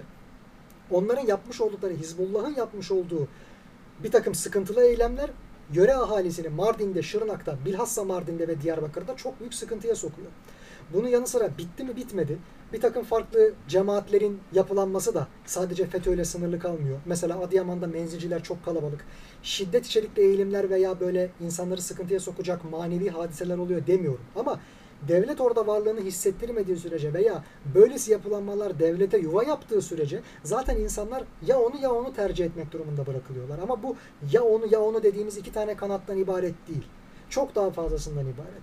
Nasıl ki belli dönemlerde oraya devlet hizmeti gitmezken ta Osmanlı zamanından bu yana hatta belki Selçuklu zamanından bu yana diyelim. Hani İdrisi Bitlisi ile Yavuz'un arasındaki o anlaşmadan sonraki dönemlerde Celali isyanları sebebiyle çıkan olaylardan ötürü insanlar nasıl köylerini bırakıp da kaçıp da çok daha münzevi yerlere, dağ sırtlarına, kuş uçmaz kervan geçmez bölgelere güvenlik endişesinden ötürü göç ettiyse orada bütün ulaşıma, altyapıya vesaireye kapalı, okul gibi, yol gibi temel ihtiyaçları karşılayacak su kaynağından bile neredeyse yoksun yerlerde bir takım altyapı eksikliği çeken yerlerde hayat sürmeye zorlandıysa veya bu komün hayatı sebebiyle orada gelişen demografi, sosyoloji ileride bir gün belki bugüne kadar süren aşiret yapılanmasını, münzevi yapılanmayı, devlet otoritesini, otoritesini tanımayan isyankar yapıyı ve bu düzenin devam etmesi adına rant sahibi olanların, menfaat sahibi olanların bazı şiddet eylemlerine teşne olmasını gerektirdiyse biraz bu konuya değinmek lazım. Neticede insanlar kendi hallerine bırakılmadılar ki şiddetten hiçbir zaman uzak olmadı ki o bölge. Orada rahat rahat kendi söylemlerini dile getirebilsinler. Bir insan savaş içerisinde doğduğu zaman ancak savaş psikolojisiyle yaşar. İnsanları kendisine düşman beller. Coğrafi olarak bir sıkıntı yaşandığı doğrudur. Fakat o coğrafyaya insanların niye bu kadar fazla çöreklendiğini de konuşmak lazım. Belli zamanlarda PKK diye bir şey oluşturulduysa, daha evvel ASAL oluşturulduysa, buna Türkiye içerisinden birileri destek verdiyse niye destek verdi? Aşiret yapılanmasına biraz ders vermek adına mı korucular yetiştirildi? Onları biraz dizginlemek adına mı veya devlete boyun eğmeyen, kendisi biat etmemek üzerine düzenini kurmuş bazı aşiretlere karşı militanları, peşmergeleri, PKK'lıları vesaireye sürmek adına mı bunlar yapıldı? Barzani, Talabani gibi oluşumlar veya bunların daha belki yüzlercesi. Bu yüzden mi orada devlet tarafından da desteklendi bir zamanlar? Bunları konuşmak lazım. Nasıl şekilde gidermeyi umdular?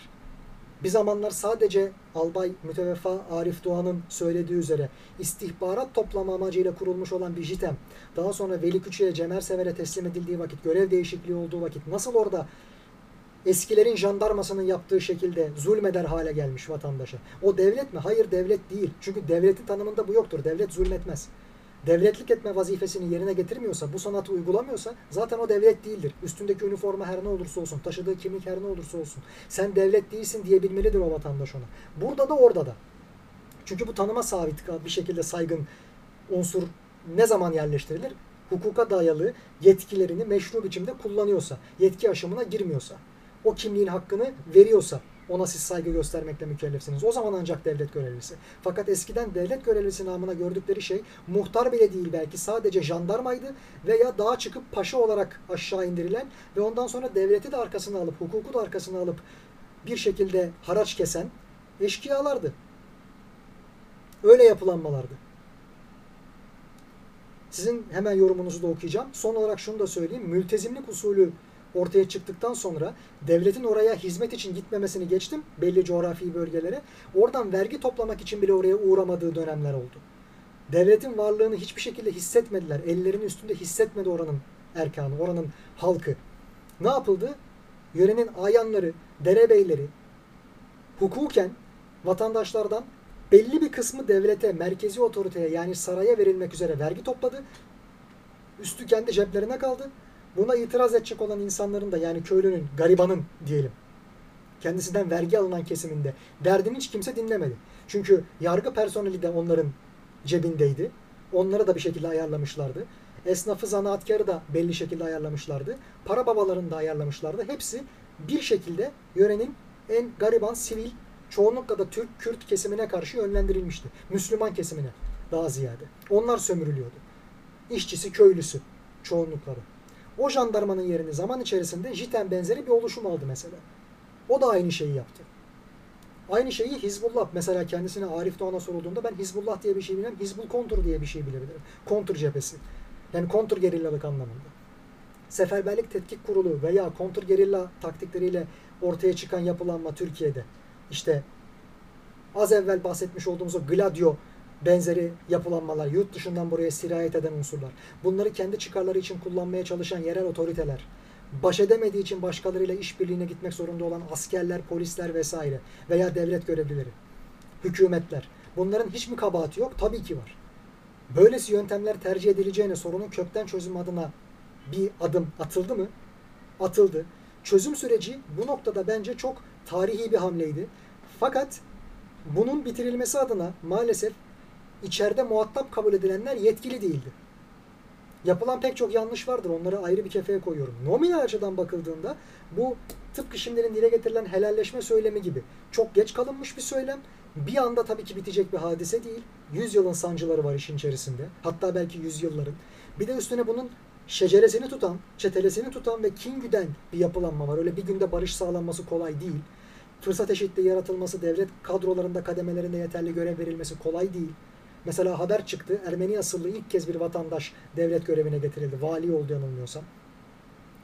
Bunlar da ancak 100 senelik bir tarihçe içerisinde yeni yeni gündeme gelebiliyor. Kolay değil bu barışı sağlamak. Ama sorumluluğu üstünüze almak da ayrı bir ateşten gömlek giymektir.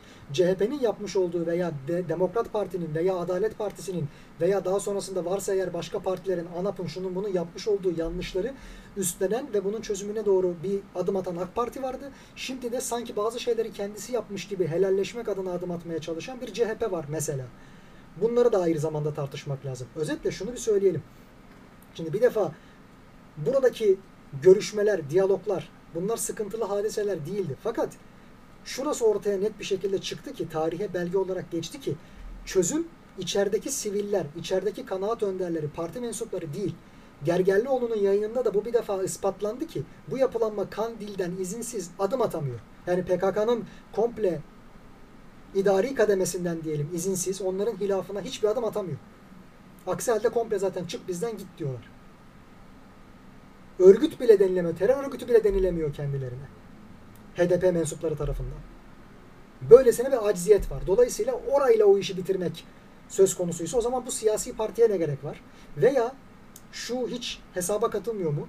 Madem ki bu kadar fazla oy alıyor, devam etsin, yaşasın denilen bir yapılanmadan bahsediyoruz. İyi de başka parti kurulmasına gerçekten de sivil olarak bütün Kürtlerin, o yöredeki insanların, Türkmenlerin, Arapların, her kim varsa, Lazların temsil edilmesini sağlayan, hiçbir yere de iltisaklı olmayan bir parti kurulması mümkün değil mi? Görünüşe göre yapılanmasının yaşamasına izin vermiyorlar.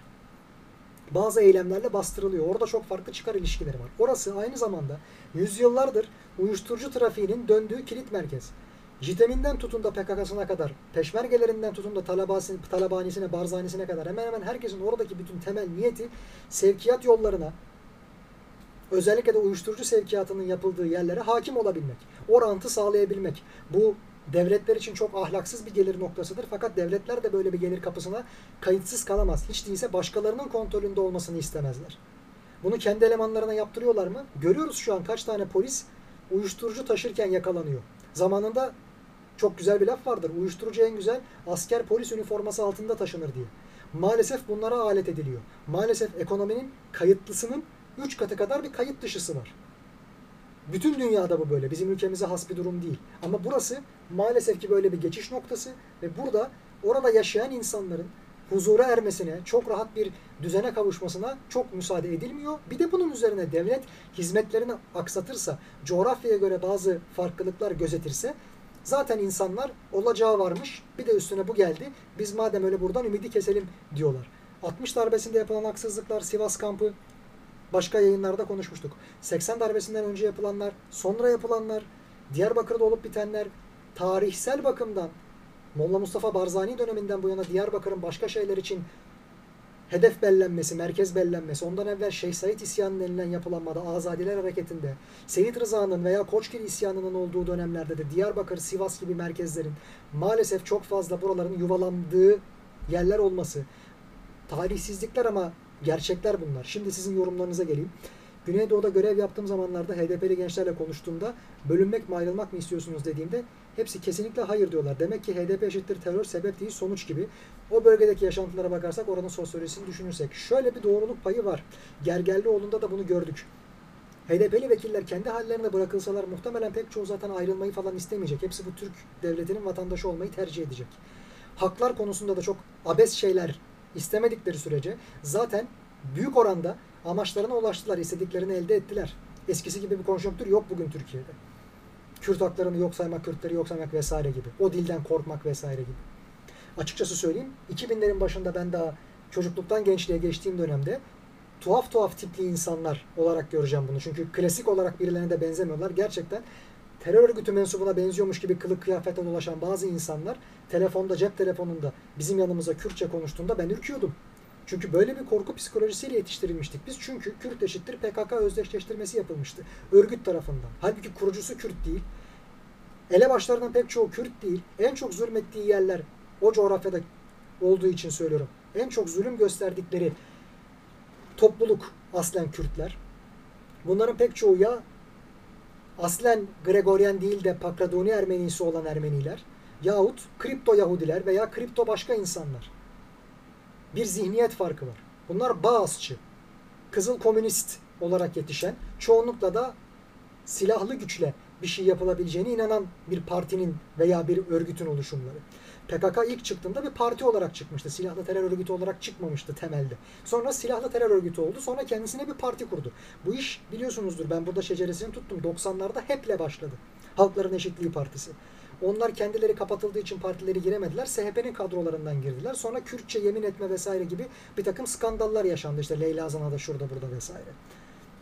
Sonra 95'te bu parti değişti. HADEP oldu. Sonra DEHAP oldu 2002'de. 2007'de DTP oldu. Sonra 2011'de BDP oldu. En sonunda da şu an HDP. E baktık parti kapatmakla olmuyor bu iş. Suçluları tek tek milletvekilliklerini düşürmek sebebiyle alıp yargılayıp kapatıyorlar, hapsediyorlar. O yapılanma açık kalıyor. Doğru. Bir de üstüne bir mağduriyet psikolojisi yaşatılmıyor çünkü o kanada. Madem bir şeyleri sömürmek, istismar etmek için geliyorlar. Partileri kapanırsa, siyasal İslam'da da bu çok oldu. Bir mağduriyet unsuru oluşuyor. Bugün bile kullanılıyor her iki taraf açısından da konuşacak olursak. Her ikisi de bunu kullanmayı sürdürüyor bu mağduriyeti. Farklı farklı tarihler var. Dolayısıyla kendileri parti olarak ortaya çıkmışken silahlı örgüte dönüşen, daha sonrasında da kendilerine gene burada bir siyasi parti kuran bir yapılanmadan bahsediyoruz. Açıkçası HDP eşittir terör demek değil ama HDP kendi haline bırakılmıyor. Oradaki sivillerin pek çoğunun ya varlık koşulu, ya aileleri, ya bekası, ikbali, istikbali terör örgütünün insafına tabi. Maalesef böyle bir iltisak var. Bu olmasa başka partiler oradan oyalamıyor mu? Tabii ki alabiliyor. ANAP aldı, SHP aldı ittifaka giderek oranın insanlarıyla. Zamanında 91 seçimlerinde MHP ile beraber giren Refah Partisi aldı. Erbakan Hoca'nın liderliğinde. Ama şunu söylemek durumunda kaldı da aldı. Siz eğer andınıza ne mutlu Türk'üm diyene diye bir ibare koyarsanız öteki de gelir der ki ben de ne mutlu Kürt'üm diyene derim. Yani Türklük kimliğinin tartışmaya açılması bakımından da maalesef merhum Erbakan Hoca'nın çok talihsiz bir söylemidir bu. Bence bir hatasıdır. Şimdi işte bu yüzden Gergerlioğlu'nun yayınında da tekrardan izleyip gördüğümüz üzere Türk bütün bunları kapsayan bir kimlik değildir. Türkiye'lilik diyelim söylemi ortaya çıkıyor. Türkiye vatandaşlığı, Türk vatandaşlığı olmasın, Türkiye'lilik olsun. Dil olarak saçma. Dil yapısı olarak başka saçma. Gel gelelim. Maalesef ve maalesef belli bir süre boyunca 500 sene kadar diyelim yönetim dine dayalı bir tasnif üzerine kuruluydu. Ondan sonra baktılar ki bu iş böyle yürümeyecek. Bunun sebeplerini ayrı bir yayında uzun uzadıya konuşabiliriz. Başka bir tasnife geçildi. Irka değil ama milliyete dayalı inanış. Bu milliyet sanıldığı gibi kafatasçılık üzerine kurulu değil. İşlerinde mutlaka ki kafatasçılar vardır. Denecek bir şey yok. Yani Cevat Rifat Atılhan'ın da çok enteresan söylemleri var. Bazen Atsız'ın da enteresan, uç, aşırı söylemleri olmuş. Bunları görüyoruz. 44'teki Turancılık davası içerisinde hepsini maalesef kafatasçılıkla yaftalamaya çalışanlar oldu. Bunların siyaseten nasıl alet edildiğini, nasıl sıkıntıya sokulduğunu bambaşka upuzun bir yayında konuşmamız lazım. Kısa kısa geçilirse çünkü sıkıntı yaratır, haksızlık olur. Yeni gelen herkes bu arada hoş geldi, sefalar getirdi. Şimdi işin ardı ucu şuraya vardı. Terör olmasın, aşiretler PKK ile birbirine kırdırılmasın, koruculuk diye bir sistem çıkmasın, devlet kendi eliyle infazcı yetiştirmesin, çiten benzeri yapılanmalar kurulmak durumunda kalmasın, istihbaratlar başka türlü insanların emrine girmesin ki zaten pek çoğu maalesef CIA'in bölge şubesi, bölge şefliği gibi çalışmak durumundayız uzun bir süre boyunca. Bu Fuat Doğu'nun bizzat beyanıdır. Böyle şeyler olmasın diye diyalog kanadı çok denendi. Fakat bu kadar farklılıkların yanı sıra devletin kapsayıcı olmamasıyla devlet olduğunu iddia eden kişilerin tam tersine daha beter bölücü, daha farklı bir şekilde orada hüküm sürücü, hakim olucu diyelim, hükümranlık sağlayıcı politikalar uygulaması yüzünden ayrışmalar arttıkça arttı. Maraş katliamı da böyle, Çorum katliamı, Çorlu, pardon düzeltiyorum, Çorum katliamı da böyle, yaşanan her türlü olay böyle. Etnik kimlik değil de coğrafi tasnif üzerinden yaşatılan her türlü sıkıntı da bu böyle oldu. Maalesef kendi haline bırakılmadı. Ama şunu da hiçbir zaman unutmamak lazım. Bu olaylar ilk çıktığı vakit basın bunu sansürleme yoluna gitmedi. Basının içerisinde de çok enteresan ya bilinçsiz, dalalet içerisinde olan ya da ihaneti bizzat yapan isimler vardı. Çünkü bunu nereden hareketle söylüyorum? Kitap burada mıdır? Bir bakayım hemen. Hah. Sayın Emin Gürses hocamızın Etnik Terör kitabı. Maalesef artık baskısı yok bunun. O dönemlerde çıkmış güzel bir kitaptı. Üç farklı örgüt yapılanması üzerinden ülkelerdeki terörün neye kadir olduğunu, neler yaşadığını vesaireyi ve bunun sivil mekanik oluşumlarla alakalı olan ilişkisini anlatan güzel bir kitaptı. Ele alınanlar İspanya'da ETA, İngiltere'de IRA, İrlanda Direniş Örgütü, Türkiye'de de PKK. Bunların söylemleri ve eylemleri nasıl birbirine benziyor, benziyor mu, teşkilatlanması nasıl vesaire güzel bir karşılaştırma kitabıydı. Şurada İngilizlerle alakalı bir ibare vardı güzel. Onu da hemen dile getireyim. İngilizler İrlanda Direniş Örgütü'nün yapmış olduğu kanlı eylemlerin pek çoğunu haberlerde duyurmadı. Yer vermedi. Niye? Çünkü biliyorlar ki terör başlıca sesini duyurmak için eylem yapar. Yani terör bir korkudur, korku psikolojisidir. Rating toplamak, dikkatleri üzerine çekmek için zaten bu tarz oluşumlar silahlı eyleme başvurur. Korku salarlar. Niye? Kameralar oraya dönsün. Bakın bizim söyleyeceklerimiz var, şikayetlerimiz var. Bunlara kulak kesilin yoksa bunların devamı gelecek vesaire diye. İnanılmaz bir sansür uyguladı İngiltere. Bu belli noktalarda İrlanda Direniş Örgütü bitirilinceye kadar, o toplumsal uzlaşı sağlanıncaya kadar işlerin büyümesine engel oldu. Dünyanın bütün ülkelerinin müdahil olmasına engel oldu. Bir tek Amerika karıştı işin içerisinde. Çünkü muhtemelen o da destek veriyordu zaten İrlanda Direniş Örgütü'ne. Bizde ise Doğu Perinçek, Yalçın Küçük, Mehmet Ali Birant, basın adına çalışan pek çok kişi, Fatih Altaylı. Bunlar tam tersine gittiler Beka Vadisi'ne veya neresiyse artık kampları orasına örgütün elebaşıyla röportaj yaptılar. Siz ne istiyorsunuz da bunu yapıyorsunuz? Buyurun tam olarak istediği şeye hizmet ediyorsunuz. Sayın Besim Tibuk da mesela bir konuşmasında aynısını dile getirdi. O da uyarmış yapmayın. Bunlara basında yer vermeyin. Ona da diyorlar ki habercilik adına biz toplumu bu kadar yakından ilgilendiren bir şey kayıtsız kalamayız. İyi de ekmeğine yağ sürüyorsunuz. Onların bütün derdi zaten sizin buna kayıtsız kalmamanız ve onlara bir güç atfetmeniz.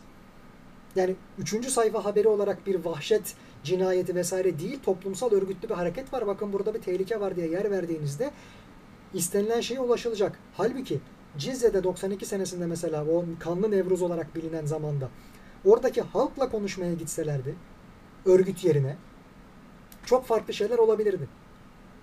Halktan hiç kimseyi dinlemediler açıkçası. Gazi Mahallesi olayları olduğunda gene halktan kimseyi dinlemediler. O olaylarda neler yaşandı, o günden bugüne halen daha her türlü sıkıntılı hadisede, gezi olayları dahil, 15 Temmuz dahil mutlaka Gazi Mahallesi bir şeylere alet edilir.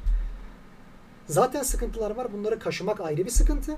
Üstüne üstlük bilinçsiz davranmak veya kasten ihanet edercesine davranmak da yangına körükle gitmek oluyor. Onlar kendilerini kalkan olarak sivilleri tercih ettiler. Ama şunu da hiç unutmamak lazım. Açılım sürecini bitiren olaylar eğer hendek olaylarıysa ya kaç 10 tane ilde mi ilçede mi toplam? Yani 3-4 tane ilde 10-12 tane de ilçede bağımsızlık ilan etti neredeyse bu adamlar. Yani gayri resmi bir şey bu neticede. Biz onu tanımıyoruz. Ayrı bir konu ama tam işler çözülecek vesaire noktasına geldiği vakit dediler ki hayır böyle bir şey olmayacak. Biz hendekler kazdık, çukurlar kazdık, mayınlar döşedik yolların altlarına. Sokağa çıkma yasağı ilan etti. Olağanüstü hal ilan etti hükümet. Buna rağmen o partinin vekilleri sokağa çıkın direnin diye insanları hani görüldükleri anda ateş açılacağı bir ortamda sokağa provoka ederek saldılar. Dışarı çıkarttılar. Bu toplumsal infial sebebiyle bence Demirtaş halen daha içeride. Ve bunların hata olduğu ortaya çıktı. Kendileri de bunu itiraf ettiler. Fakat maalesef ve maalesef Gergerlioğlu'nun yayınında gördüğümüz üzere onlar bunun kendilerinin bir hatası olduğunu itiraf etmiyorlar. Örgütün kendileri üzerinde çok büyük bir kudretlerinin olduğunu maalesef itiraf etmiyorlar. Hatta neredeyse PKK'yı inkar edecekler. Diyorlar ki biz eylemin, terörün her türlüsüne karşıyız. Peki bunu söyleyince bizim ne anlamamız lazım? Bize göre burada terör uygulayan bir tane cenah var. PKK. Her türlüsüne karşıyım dediğiniz anda siz devleti de orada terörist ilan ediyorsunuz. Bir zamanlar mecliste Leyla Zana hatırlıyorum bu konuşmayı. Demişti ki karşılıklı olarak taraflar silah bıraksın. Biz bunu istiyoruz. Olayların durması için. Bu açılım sürecinden evvel yanılmıyorsam. Ya da tam o zamanlarda da olabilir. Karşısında Muharrem İnce CHP milletvekili olarak o zaman çıktı şunu söyledi. Ya devlet niye silah bıraksın? Devlet anayasa gereği zaten silah kullanma noktasında meşru olan bir otoritedir. Hatta tek otoritedir. Asker vardır, polis vardır güvenlik gücü olarak. Devlet niye silah bıraksın? Devlet sizin bu konuda denginiz değil ki. Tam tersine meşru olarak zaten silahı o kullanacak. Siz asıl silahınızı bırakacaksınız. Durum bu. Böyle bir ya denk görüyorlar kendilerini ya da bunun bir psikolojik etkisi olacağını bildikleri için kasten siyaset olarak bunu yapıyorlar. Ama şunu unutmayalım. Hani insanlar neticede sivil vatandaşları kendilerine kalkan veya sebep, platform, payanda vesaire kıldıkları vakit en çok zararı onlara veriyorlar. Şimdi müsaadenizle bir ışığı yakıp geliyorum. Karanlık olmaya başladı. Şimdi bu yayınlar belli şeylerin ortaya çıkması bakımından tarihe belge olarak geçiyor. Öncelikle akıl edene de uygulayanı da bu noktada kutlamak lazım. Ben doğruya doğru hani bu programın sunucusu olan şahsı, kanalın sahibi olan şahsı pek sevmem, tasvip etmem. Hal ve davranış şeklinden usul. Ötürü. Fakat birincisi babasına ve onun yaptığı göreve ve yaşadığı mağduriyete çok büyük saygı duyuyorum. İkincisi bu program formatını böylesine bir yeni nesil içerisinde bağırma çağırma olmaksızın idare etmek de kolay bir iş değil. Şu ana kadar güzel bir idarecilik örneği sergiledi. Umarız devamı gelir. Bir tek bir tek o bahsetmiş olduğum alkış almama içgüdüsünü yenmesi lazım. Başka yerlere gidebilir çünkü o. Kendisi açısından bir antipati toplayacağı noktaya gidebilir. Onu da söyleyelim. Yinelemiş olalım. Bunun dışında o kalabalığın içerisinde profesyonel gazeteciler de var. Sivil hakikaten her bakımdan sivil insanlar da var. Mağduriyet yaşamış kişiler de var veya onların yakınları da var. Her gelen konuk ve her program için söylüyorum. Yani Sayın Ümit Özdağ'ın programında da aynı durum oldu. Onun söylediği şeylerden rahatsızlık duyan veya mağduriyet yaşamış insanlar da muhtemelen oradaydı. Gergerlioğlu'nun programında da oradaydı. Muharrem İnce gelecekmiş en yakın zamanda bir sonraki bölümde. Onun programında da oranın mağdurları orada olacaklar. Karşıt insanların, muhaliflerin geldiği bir program orası. Değerli, tarihe belge olarak geçecek ve mesela biz söylemlerden anlıyoruz ki gerçekten de resmi olarak HDP'nin bir siyasi programı yok. Çözümlerini getirmek için adım adım uyguladığı bir planı programı vesairesi yok. Bir müfredatı yok. Taleplerine ilişkin ayakları yere basan bir planı programı da yok. Sadece bir takım sloganları var. Böyle bu iş gitmez. Varlık sebebi kalmadı aslında açılım sürecine gelinceye kadar yapılan eylemlerin neticesinde. Ama halen daha onlar başka şeylerden ötürü belki de aslında var olan bir takım şeyler yokmuş gibi göstererek duygu sömürüsü yaparak veya cahili kandırmaya çalışarak varlıklarına bir meşruiyet kazandırmayı sürdürüyorlar. En azından bunu deniyorlar. Niye? Millet hayır dese bile onları zorlayacak olan bir yapılanma var orada. Sınırı çok rahat geçebiliyordu. Şimdi daha da rahat geçiyordur. İçeride işbirlikçisi var mıdır? Mutlaka ki vardır. Her toplumda bu böyledir. Sadece bize özgü değil. Yanlış anlaşılmasın. Ama burada kanayan yere gerçekten çok büyük. O mu o mu diye seçiliyor. Şimdi devletin kendine ait çok güzel yurtları, okulları vesairesi olmazsa yurt işini, okul işini çözme noktasında bir özel kuruluşa, teşkilata, sermayeye, harekete, derneğe, vakfa işi bırakırsa FETÖ'de olduğu gibi veya devlet yapılanmasının içerisine onları çok fazla sokarsa FETÖ, Süleymancılar, Menzilciler vesaire olduğu gibi o noktadan itibaren insanlar devlete değil, sivil memur olarak görünen kişilere değil, tam tersi o yapılanma her neyse ona hürmet ederler, ona devlet gözüyle bakarlar. Ya da karşı tarafta onları silah zoruyla korkutan, ideolojik olarak da kimse başka eğitim vermediği için rahatlıkla devşiren, kandıran, dağa çıkmaya, canını vermeye vesaireye zorlatan, kendi vatandaşına kurşun sıkmaya sevk eden bir başka terör örgütü yapılanması var. Her ikisi de birer terör örgütü olduğu için söylüyorum. Bunların gene birbirine karşıtmış gibi görünürken muhtemelen çıkarları doğrultusunda birbiriyle beraber hareket ettiği, ittifak içerisinde olduğu bir takım eylemler var ki ben 15 Temmuz'un bunlardan bir tanesi olduğu kanaatindeyim. Birbirleriyle ittifak yapmadan, anlaşmadan ona kalkışamazlardı gibi geliyor bana. Üstüne üstlük farklı yerler de var. Hizbullah gibi hiç kimsenin bahsetmediği. Domuz bağcılar var mesela. Aynı şekilde. Bunların orada ve şehirde burada maalesef yansımaları, yapılanmaları çok kudretli. Belediyelere de sızmış durumdalar. Buna teşne olan bazı partiler var. Nüfus bakımından oy deposu haline geldiği için hem tarikatlar, cemaatler hem de böylesine işte MLKP'si, şusu busu falan gibi yapılanmalar tıpkı PKK'ya benzer. DHKPC'si vesaire gibi yerler. Bunların hepsi devlet kadrolarına, belediye kadrolarına sızmaya başladılar. Devlet devlet olmaktan iyice çıkacak. Allah muhafaza. İyice hizipleşecek. Herkes bilir ki Cumhuriyet kurulurken kadroların pek çoğu Fransız iltisaklıydı. Bazıları Prusya, Almanya iltisaklıydı. Rusçu olanlar vardı, Amerikancı, İngilizce olanlar vardı.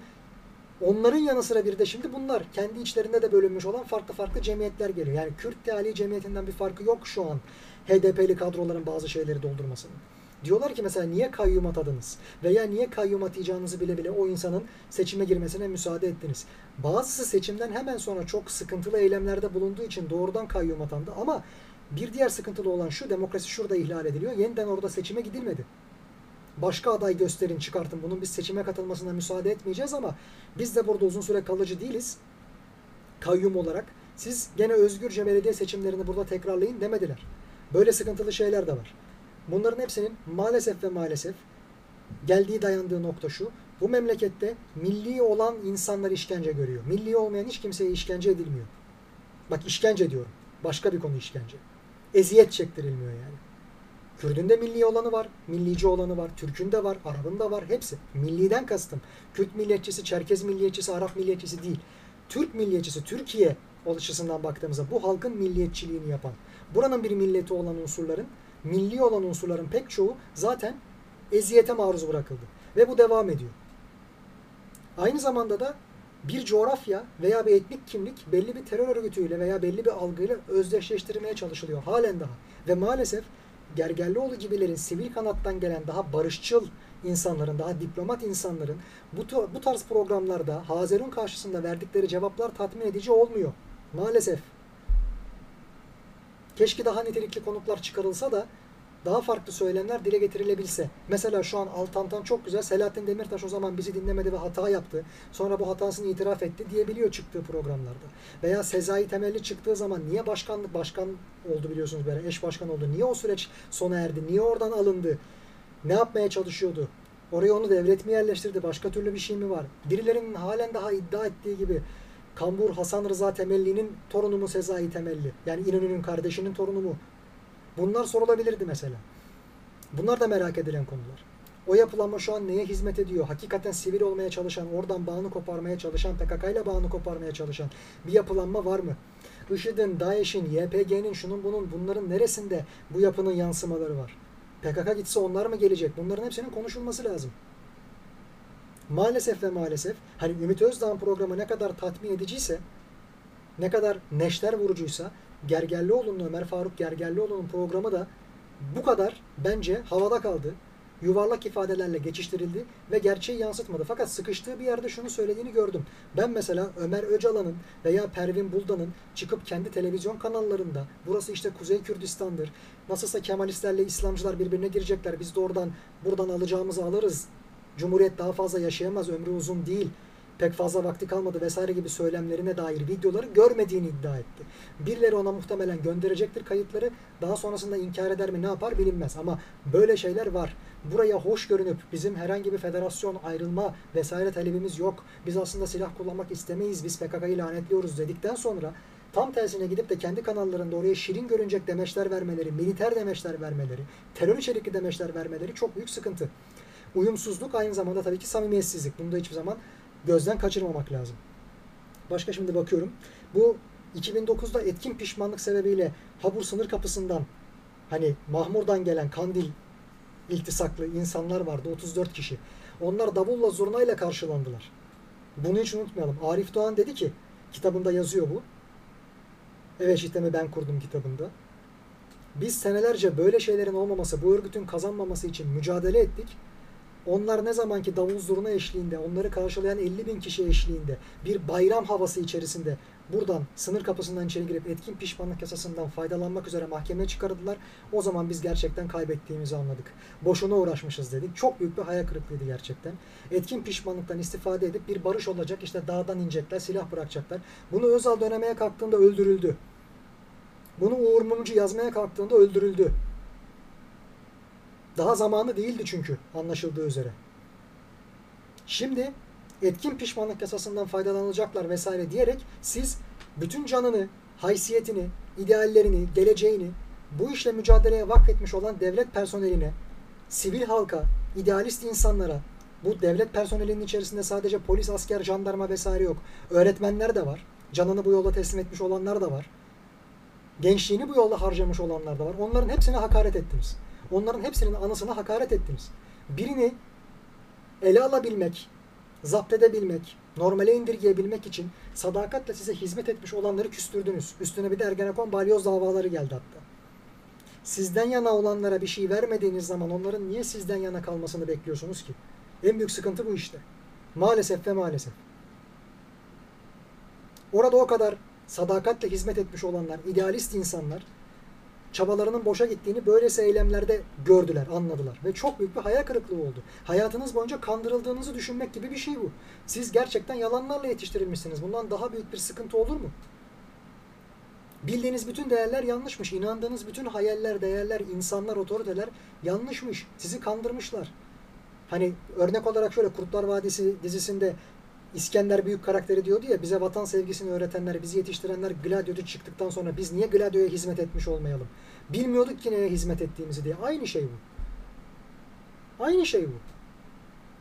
Bu taviz verildi. Aynı gün bağımsız milletvekili sıfatıyla Sayın Ufuk Uras'ın ve eşinin de katıldığı o zamanki HDP'nin yansıması olan partinin milletvekilleri olarak, kadın milletvekilleri olarak Pervin Buldanların falan da geldiği Diyarbakır'da bir miting düzenlendi. Etkin pişmanlık. O devlete diz çöktürdük bak. Burada bir şekilde pişmanım diyecekler. Suçları affedilecek. Ondan sonra belki daha geri dönecekler vesaire. Oldu bu. İtirafçılık gibi bir şey değil bu bu arada. Etkin pişmanlık. Hani vicdani retçilikten çok daha farklı bir konu. Üstüne üstlük. Böylesi eylemleri de oldu. Yani her şeyi denedi bu iktidar. Bu yönetim. Zarara uğrama pahasına her şeyi denedi. Aynen öyle. Hepsinin ruhu şad olsun. Fırat Yılmaz Çakıroğlu'nun durumu daha da farklıdır. Onu da söyleyelim. Üniversite gençliği içerisinde, üniversite olaylarının bittiği zannedilen bir dönemde İzmir'de yanlış hatırlamıyorsam böyle bir durum gerçekleşmişti. İzmir'de İstanbul'da ben çok hatırlamıyorum ama İzmir'de diye hatırlıyorum yanlış hatırlamıyorsam. Kendisi hani ülke ocaklarına bağlı bir insandı ve orada teröristlerin bir şey yapmasına engel olmak adına PKK'lıların gelip de 9 Eylül Üniversitesi'ni ele geçirmesini engellemek adına bir şeyler yapıldığı vakit dur demeye gitti ve şehit edildi. Bunun adı şehadettir çünkü devletin yıkılmaması adına teröriste karşı mücadele ediyor. Ha kendisinin Müslümanlığıyla ve karşıdakilerin gayrimüslimliğiyle alakalı bir takım tespitlerde de bulunmak mümkün olabilir. O da ayrı bir konu. Ama onun durumu diğerlerinden bir tık ayrıydı. Ege Üniversitesi İzmir. Doğru. 9 Eylül değil çok pardon Ege Üniversitesi. Diğer öğretmenlerimiz, devlet personeli, bunların pek çoğu bazı şeyleri değiştirmeye gittiler. Doktorlar, mühendisler, hukukçular, savcılar, hakimler. Pek çoğu ya bu orada telef oldu, ya ömrünü ziyan etti. Hele ki hükümet böyle uygulamalara imza atarsa. Ya da o çarkın bir parçası olup taraf değiştirdi. En sıkıntılısı. Olan vatandaş oldu en çok maalesef. Böyle programların çok büyük katkısı olacaktır. Buna inanıyorum. Bu konuyu burada noktalayacağım. Diğer bölümleri geldiği zaman bu açık mikrofonun gene böyle değerlendirmelerde bulunuruz. Ama ben Ömer Faruk Gergerlioğlu'nun bölümünden memnun kalmadım. Tatmin olmadım. Oraya gelebilmesi büyük cesaret. o kadar uzun süre kalabilmesi büyük cesaret. Bütün soruları cevaplamaya bir şekilde gayret göstermesi büyük cesaret. Bu konuda takdirimi iletiyorum. Fakat boş. Neticesi boş. Bir anlamı yok, bir değeri, bir karşılığı yok çünkü. Yani söylediği sözler sıfırdan herhangi bir vatandaş konusunda çok samimi gelebilir, idealist, güzel gelebilir, bir yansıma bulabilir bizim içimizde. Ama biliyoruz ki temsil ettiği kanat onun söylediği sözler gibi düşünmüyor. O sözlere uymuyor. Samimi değil yani. O yüzden bir değeri bir karşılığı yok sokakta. Gerçek hayatta. O yüzden memnun olmadım. Fakat burada da Ümit Hoca'nın yayınına bir eleştiri getireceğim. Programın başında dedi ki isterseniz ben sabaha kadar burada kalırım. Fakat program 2 saat 20 dakika falan sürdü. Ondan sonra gitti kendisi. Bilmiyorum toplamda kaç saat kayıt alındı. Orada da bir 7 saat 6 saat duruldu da mı biz 2 saat 2,5 saatlik kısmını gördük. Bir 10 dakika kadar da bir başka mağdur arkadaş çıktı orada mağduriyetinden bahsetti. Onu da dahil ederek söylüyorum. Keşke daha uzun kalsaydı. Keşke bütün soruları sıra sıra cevaplasaydı. Yani daha fazla soru cevaplasaydı. Keşke varsa eğer konuklar arasında rezil rüsva edilmesi gerekenler onları rezil rüsva etmeye, foyalarını meydana çıkarmaya devam etseydi. Bakalım umarız bunların devamı gelir. Bir kişiye karşı konuşmak başkadır. Muhalif bir Hazirun'a karşı, konuklara karşı konuşmak başkadır. Bakalım sıradaki programlarda neler olacak onları da söyleyeceğiz. Üçüncü konumuza geçelim buradan. Türkiye-İsrail ilişkileri gündemi. Sizin tabi söyleyeceğiniz başka bir şey yoksa bu konuda. Pekala. Şöyle, efendim Türkiye-İsrail ilişkisi Türkiye'nin diğer devletle kurduğu ilişkilere pek benzemiyor açıkçası. Şimdi birincisi bu ta biliyorsunuz Osmanlı zamanından gelen bir hadise. Sabetaycılıkta işin başka bir boyutu. Safarat Yahudileri, Eşkenaz Yahudileri, Karaylar. Aynı şekilde bu Sabetaycıların içerisinden Kapancılar, Karakaşlar, ayrı ayrı kanatlar. Bunların her birinin kendine ait bir geçmişi var. Etkinlik seviyesi var. Konuşmanın sonunda değineceğim ama bazıları Cumhuriyeti kuran kadroların bunlar olduğunu falan bile dile getiriyor. Mesela. Bu yüzden özellikle hassas bir şekilde ele alınması ve incelenmesi gereken bu konu. Şimdi 1453'ten çok daha eskiye gider Yahudilerin İstanbul'da varlığı. Romanyotlar denirdi onlara. Bizans'ın, Doğu Roma'nın içerisinde bulunan unsurlar. Bunların yanı sıra 1453'te Fatih'in hemen fethinden evvel tekrar bir yerleşme oldu. 1492'de Safarat göçü olmadan evvel Aşkenazların da geldiği oldu. Macaristan'dan, Cermen bölgesinden. Bu kitabı da baskısı yok ama Minna Rose'nin İstanbul Yahudi Cemaati'nin tarihi tavsiye ederim konunun meraklısına. Şimdi böylesi bir yapılanmanın üstüne bizim iş adamlarımız, diplomatlarımız, varsa eğer müderrislerimiz, alimlerimiz sivil okullarda da, dini okullarda da devşirmelik usulü sebebiyle. Bunun yanı sıra başka neler olabilir? Hekimler aynı şekilde. Bunların pek çoğu bu bahsetmiş olduğumuz mensubiyetlerden geldi. Yahudilerden geldi. İç içe belki de hayatlarında hiç tarihlerinde hiç olmadığı kadar kendilerini kendi evlerinde, ülkelerinde hissettikleri bir yapılanmaydı Osmanlı Devleti, İmparatorluğu. Başka yerlerden sürekli kovuldukları, sürüldükleri için düzenli aralıklarla hatta neredeyse mülk edinmiyorlardı. Tarıma dayalı bir şey yapmıyorlardı. Ticaret ehliydi hepsi. Fakat buradan sürülmediklerinden dolayı burayı kendi evleri bellediler. Pek çoğu da imparatorluğa hizmet etti. Saraya hizmet etti. Halka ne kadar hizmet etti orası tartışılır. Oraya devletin de hizmet etmeyi kestiğini konuştuk az evvel. Belli coğrafyalar bakımından özellikle. Yani bir zihniyet değişimidir bu. Hadim, hizmetkar devletlerine hakim devlet olma anlayışı. Sonrasında pek çok farklı unsur gene bir araya geldi. Onu ayrıca başka bir yayında tartışırız. Daha kapsamlı bir şekilde. 1917'de bir Balfour Deklarasyonu yayınlandı. Malumunuzdur. İşte Filistin bölgesi kurtarılmıştır Osmanlı'dan artık oraya siz göçebilirsiniz diye Rothschild'e bir mektup yazdı Dışişleri Bakanı Erik Balfour.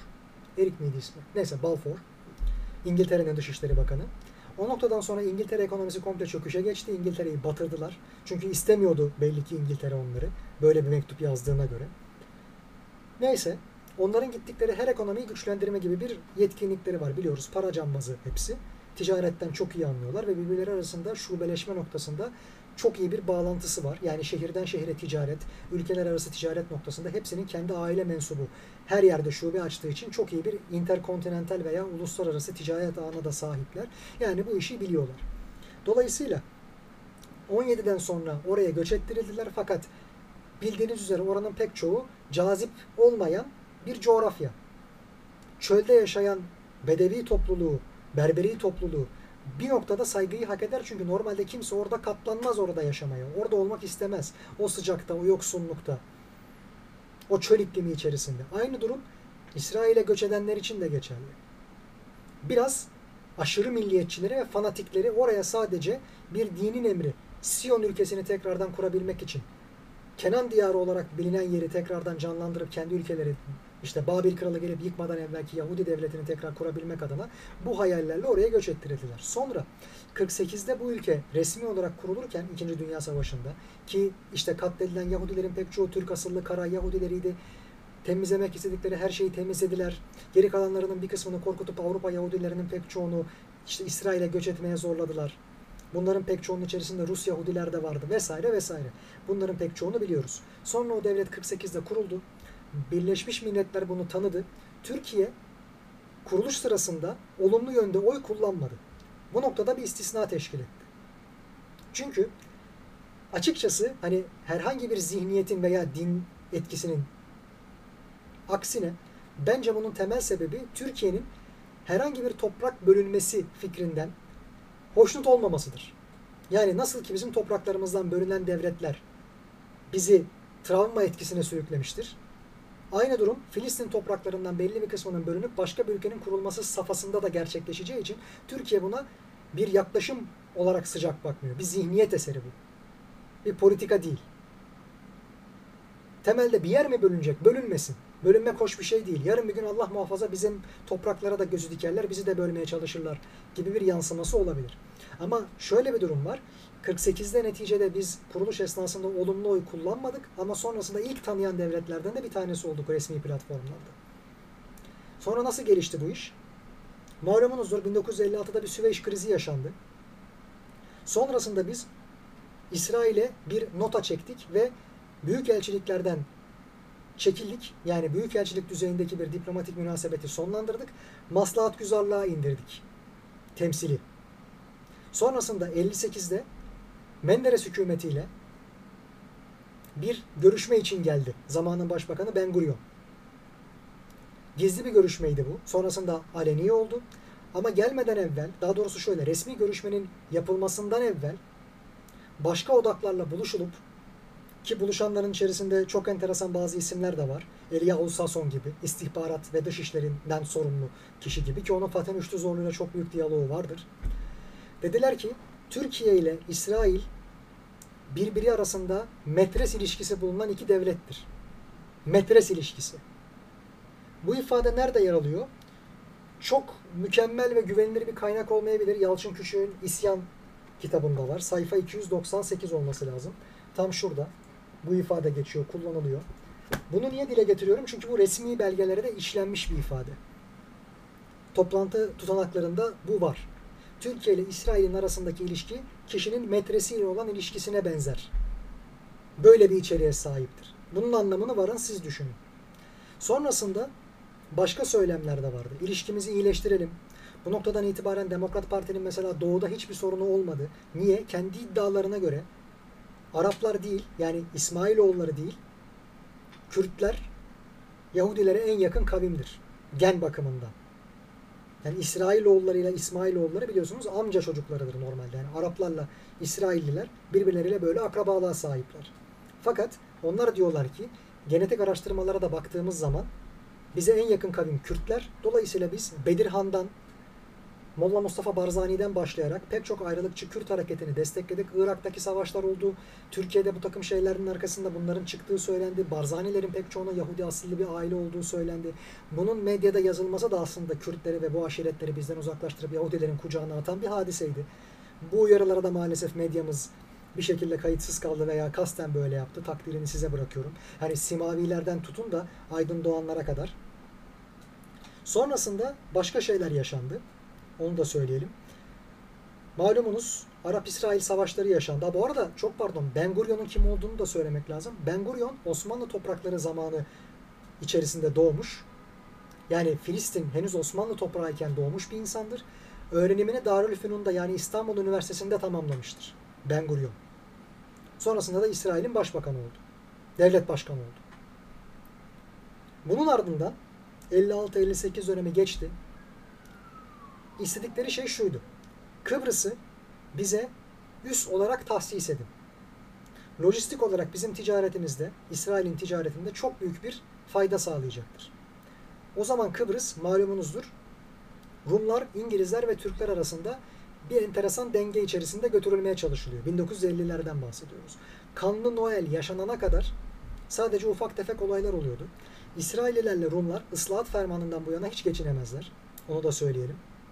Yani Yunanlılarla İsraillilerin anlaşması çok çok çok çok büyük bir gelişmedir ki yakın zamanda işte bu petrol boru hatları ki konumuzun da bir parçasını teşkil edecek.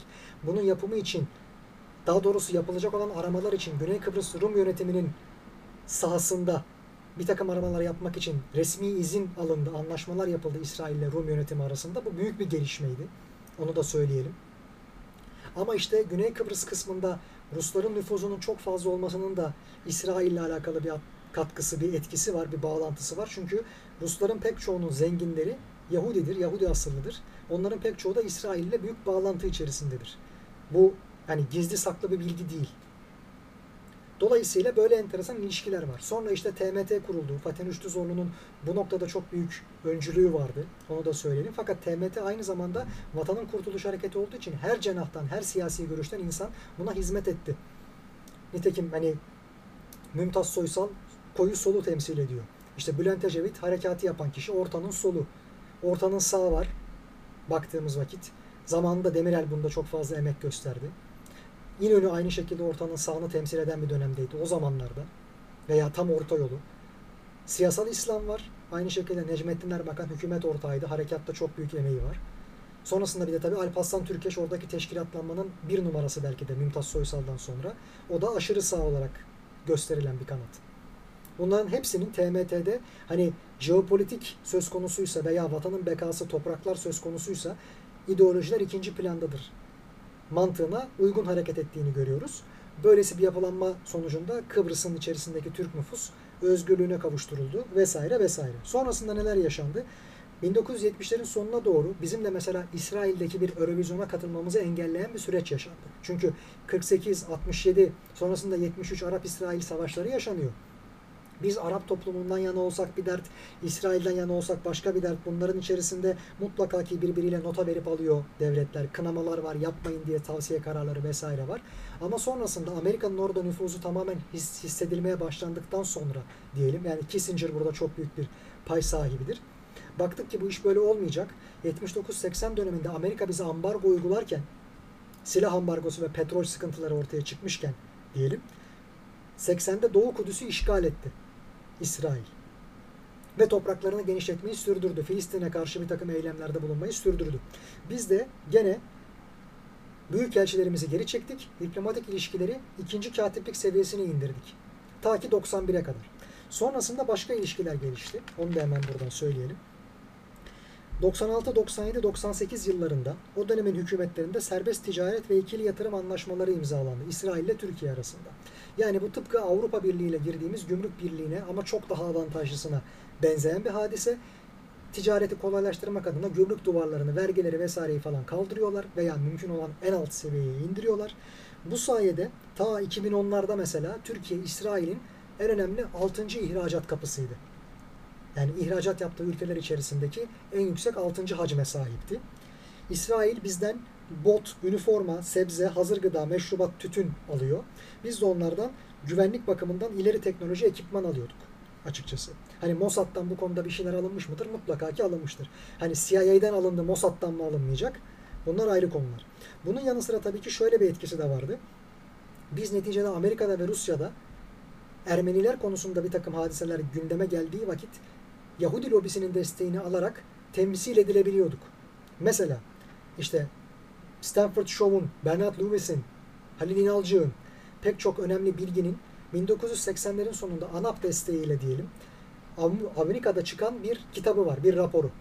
Bunu İlhan Kesici çok güzel bir şekilde dile getirdi Habertürk'te. Fatih Altaylı'nın programında kaydına oradan ulaşabilirsiniz. Bütün önemli tarih bilginleri, bazıları Yahudi asıllı, diyorlar ki Ermeni soykırımı diye bir şey yoktur. Dolayısıyla bunun kongrede görüşülmesi tarihe zaten uyan bir şey değildir diyorlar. Bunu söylediler. Bu çok önemli bir gelişmeydi mesela. Bütün dünya kamuoyunda neyin ne olduğunun anlaşılması noktasında büyük bir propagandaydı. Buna benzer eylemler yapıldı. Her sene o yasa tasarısının geçirilmesi gündeme gelir. Her sene Yahudi lobisi bir şekilde bizim isteğimizi gerçekleştirip orasını belki kendi toprakları içerisine katmayı da istediği için, orada bir Ermenistan kurulmasını istemediği için kendi çıkarına da hizmet edecek şekilde bizim haklarımızı savunurdu. Biz yakın zamanda biliyorsunuz bu One Minute olayları falan yaşandı. Oraya şimdi geleceğiz. Ondan sonra bu lobinin desteğini kaybetmiştik. Doğruya doğru. Ama şunu hiç unutmamak lazım. Ek bilgi olarak söyleyeceğim. Yakın zamanda bunu Sayın Şükrü Sina Gürel, eskinin Dışişleri Bakanı, şimdi Zafer Partisi'nin Genel Başkan Yardımcısı yanılmıyorsam, dile getirdi bir televizyon programında. Hani malumunuzdur Ermeni yasa tasarısı diye bir şey kabul edilirse, Ermeni soykırımının gerçekten var olduğu vesaire falan bunları tanınırsa ne olur? Zamanında Ermeniler eğer Amerika vatandaşlığına geçmiş olanları varsa burada yitip giden ellerinden alınan veya bıraktıkları mala mülke dair bir takım tazminat alma ihtimalleri doğacak. Bu Amerikan şirketleri onların haklarını savunmak amacıyla, talep etmek amacıyla Türkiye'ye gelecek. Ekonomik olarak dar boğaza gireceğiz deniyordu. Fakat Sayın Şükrü Sina Gürel diyor ki 1923'te Lozan'dan hemen sonra Amerika ile bir anlaşma daha imzalandı. 34'te de 1934'te bu anlaşma derinleştirildi. Osmanlı vatandaşı olup da Amerikan vatandaşlığına geçen Ermenilerin tehcirden dolayı uğradığı veya burada bıraktığı mal varlığı zararı ziyanı vesairesi buna ilişkin olarak bütün tazminatlar sigorta kapsamında ve tazminat kapsamında hukuki ödendi. Yani bugün bizden talep edecekleri yeni bir şey yok. Tekrarlıyorum. 23'te ve 34'te yapılan anlaşmalar ve 48'deki gelişmeler de bunu destekledi. İsrail kurulduğu zamanda da bu tasdik edildi. Osmanlı'dan Amerikan vatandaşlığına geçen bir takım Ermenilerin tehcir sebebiyle veya farklı sebeplerden ötürü burada bıraktığı veya kaybettiği mal mülk, mal varlığı dolayısıyla tazminatları, zararları çok pardon sigortalar kapsamında veya devletler arası hukuk kapsamında zaten Türkiye tarafından tazmin edildi. Bu tazminat ödendi. Şimdi böyle bir yasa tasarısı geçse bile bunun maddi bir hükmü olmayacak. Mükerrer bir şey isteme hakları olmayacak. Bunu da burada dile getirmiş olalım. Bence önemli bir bilgi. Devam edelim. Malumunuzdur AK Parti iktidara geldikten sonra 2003 senesinde hazin bir olay yaşandı. HSBC binasıyla beraber sinagoglar da bombalandı. Burada verilmek istenen bir mesaj mı vardı, başka bir şey mi vardı bunların tartışmasına girmeyeceğim. Kim yaptı, kim etti vesaire. Önemli bir bilgi bu konulardaki ilk savcı Zekeriya Öz'dü. Sonrasında kendisi buradan el çektirildi, başka bir savcı geldi vesaire vesaire. Sonrasında şunu da hiç unutmayalım. Şimdi Ermeni olaylarını yapan insanların pek çoğu, o zamanki Ermeni çeteciler, asalacıların pek çoğu. Bunlar aslında Gregorian Ermeniler değil. Yani aslen Türk olup da Gregorianliği seçmiş Kıpçak Türkleri vesaire gibi kişiler değil. Temelinde Pakraduni kişilerdi. Yani kendisi Yahudi olup Ermeniymiş gibi kendini göstermeye çalışan, kriptoluk yapan, kendini gizleyen kişilerdi. Şimdi Yahudilerin pek çoğunun içerisinde de böylesi ikili oynayanlar var. Kimliğini gizleyenler var. Ama bu demek değildir ki bütün Yahudiler buna karşıydı, bize karşıydı. Bu terör eylemlerinin yapılmasına birebir destek verdi. Bu aynı anlama gelmez işlerinden pek çoğunun devlete taraftar olduğu ve destek verdiği de biliniyor. Bu konuda kitaplar da çıktı yakın zamanda. Onları da tavsiye ederim incelemenizi eğer meraklısıysanız bu konunun. Dolayısıyla belli bir cenahın yaptığı suçlar herkese atfedilemez. Bunu da burada genellemek noktasında hassas davranmak lazım. Bunu da söyleyelim. Oradaki kişilerin, Ermenilerin hakiki Ermeniler olmadığı, başka amaç güden ve soy olarak da, din olarak da başka kişiler olan diyelim bir zümreden geldiği ama kendilerine inatla Ermeni dediği, kimi zaman aynı şekilde kendine Kürt dediği, kimi zaman değilse bile kendisine Yahudi dediği veya Türk dediği bazı süreçlerden bahsediyoruz. Oluşumlardan, yapılanmalardan. Bunlar maalesef vaki. Mesela bu çetecilerden pek çoğu yenileceğini anladığı zaman ta bu Birinci Dünya Savaşı zamanında da veya ondan öncesindeki Osmanlı'nın yaşadığı isyanlarda, olaylarda da yitirecekleri anladığı zaman mücadeleyi, çete çatışmasını çetecilerin pek çoğu, çok pardon, çetecilerin pek çoğu kaçarken ölülerinin ya kafasına ya da cinsel organına ateş edermiş. Niye? Sünnette olup olmadığı görülmesin veya eğer esnaftan falan birisi ise kimliği deşifre olmasın suratından yüzünden tanıyan çıkmasın diye. Buradan da anlıyoruz ki bunlar Eğer Pakraduni ise Yahudilerde de sünnet var biliyorsunuz. Bunlar aslında sünnetli kişilermiş. Ha bunlar Ermeni değilmiş çünkü Hristiyanlar sünnet olmuyor malumunuz. Demesinler. Bu olay ortaya çıkmasın diye böyle eylemler de olmuş. Devam edelim. Aslında 2006 senesinde Filistin'de Hamas'ın yani İslami Direniş Örgütü'nün seçimlerde iktidara gelmesi Türkiye-İsrail geriliminde başrol oynayan bir gelişmeydi. O noktadan itibaren İsrail'in tavrı sertleşti Filistin'e karşı. Hatta Halit Meşal, Hamas'ın lideri, Türkiye'yi ziyaret etti. Türkiye'de Filistin'in mücadelesine destek vereceğini söyledi. Bilhassa da Kudüs'ten dolayı bu destek veriliyor. Çünkü Kudüs bütün dinler diye bir şey varsa bütün dinlerin ortak başkenti kabul ediliyor. Aynı şekilde tabii ki İslamiyet için de önemli. Hani Mekke'den evvelki Mekke diyeceğimiz yer. Mekke'den evvelki kıble daha doğrusu. Düzelteyim onu. Çok pardon. Bu yüzden de Türkiye ile Filistin ilişkileri yakınlaşmaya başladı. İsrail de buna tabii ki tavır koydu. Sonrasında neler oldu? 2008'de Gazze'den bir füze atıldığı söylendi İsrail'e. İsrail de bunun karşılığında misilleme olarak dökme kurşun operasyonu yaptı.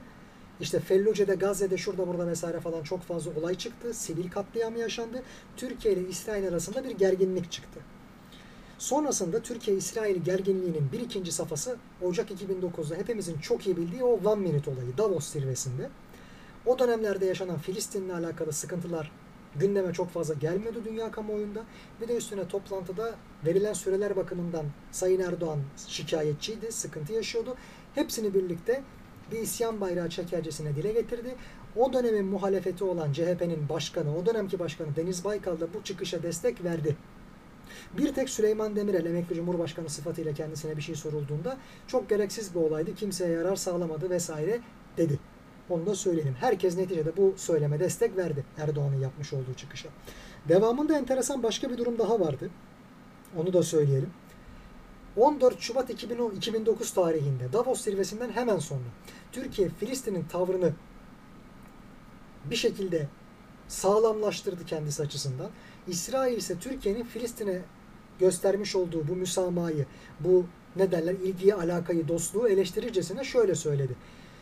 Kim bu söyleyen onu da hemen belirtelim. İsrail Kara Kuvvetleri Komutanı Avi Mizrahi. Dedi ki Erdoğan önce aynaya baksın. Ermenileri katlettiler. Şimdi aynı şeyi Kürtlere yapıyorlar. Kıbrıs'ı da işgal ettiler. Yani o zamana kadar İsrail'in Türkiye taraftarı olarak ne kadar rol oynamışlığı varsa, hangi olayda bizden yana olmuşlarsa bunları inkar eden, bunları geri çeviren çok tuhaf bir yaklaşımdı bu. Bundan sonra çok ciddi bir gerilim ortaya çıktı. Ve sonrasında bizim hükümetimiz ağır bir açıklama yayınladı.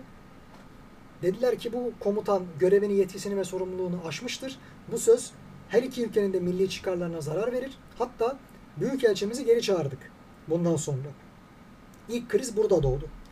Arkasından 2010'da Ayalon, İsrail Dışişleri Bakanı, bizim tekrardan oraya giden büyükelçimiz Ahmet Oğuz Çelikkol'la bir görüşme gerçekleştirdi. Ama bu o kişi orada büyükelçi olarak bulunmuyor. Son büyükelçimiz olarak oraya gitmişti o vasıfla.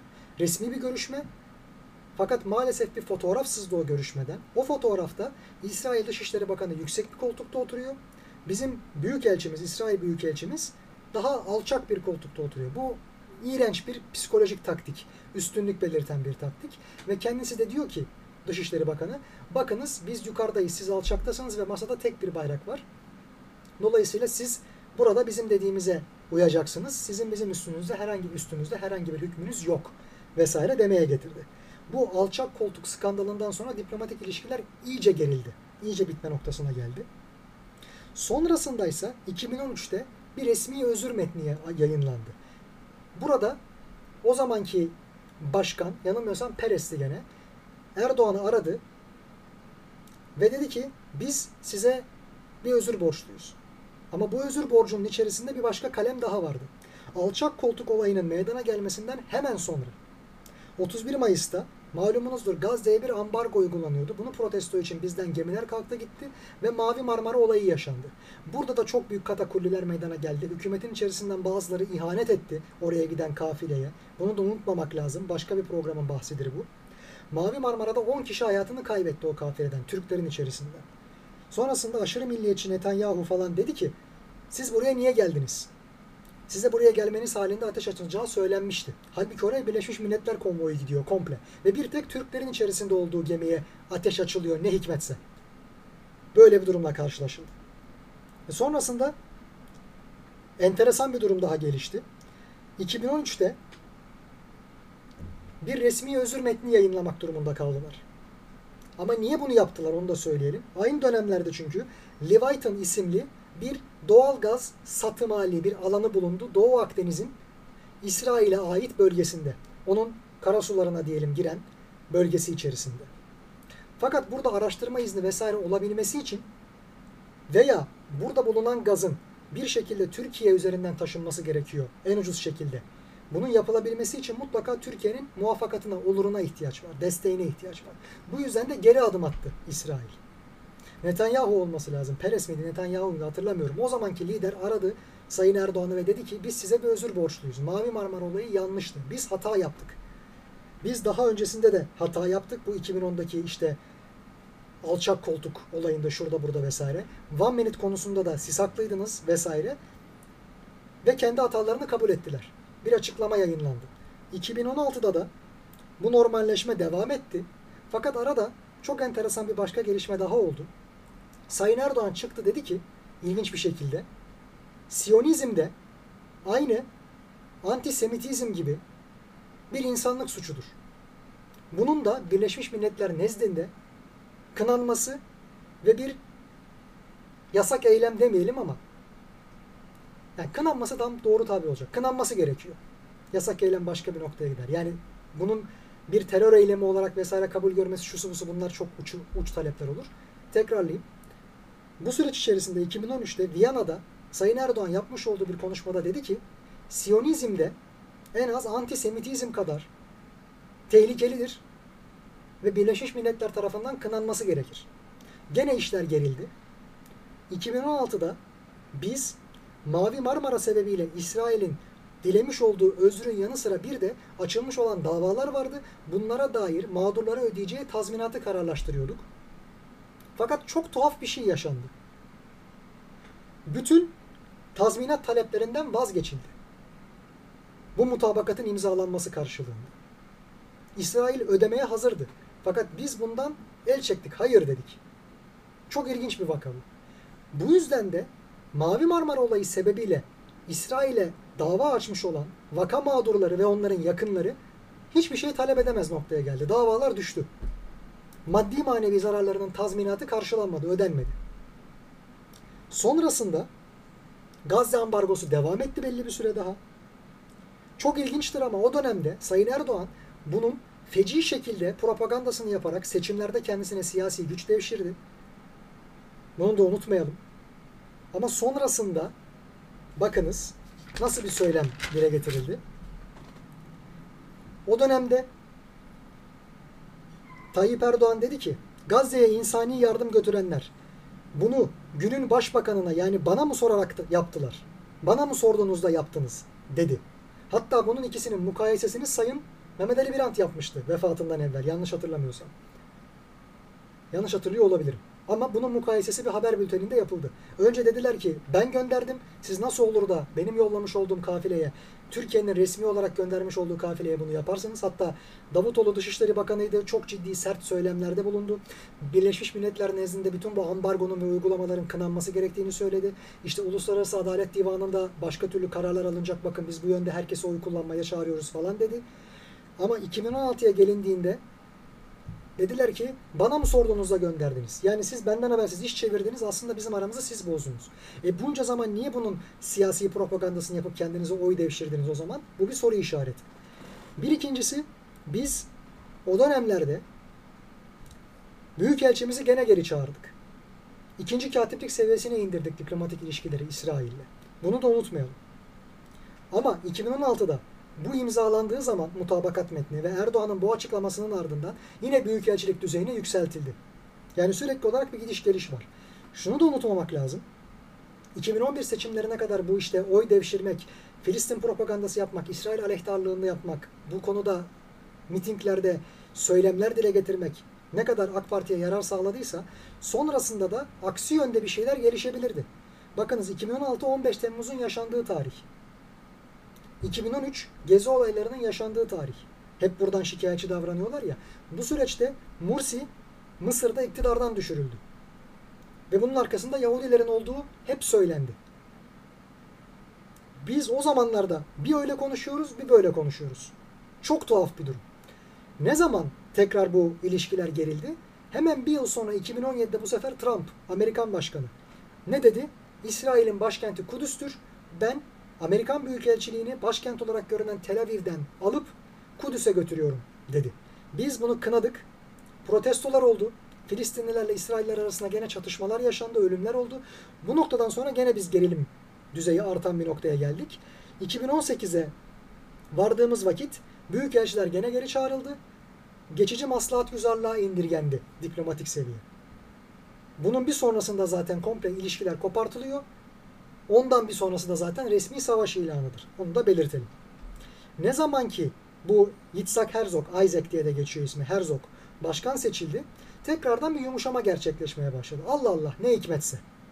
Şunu unutmayalım.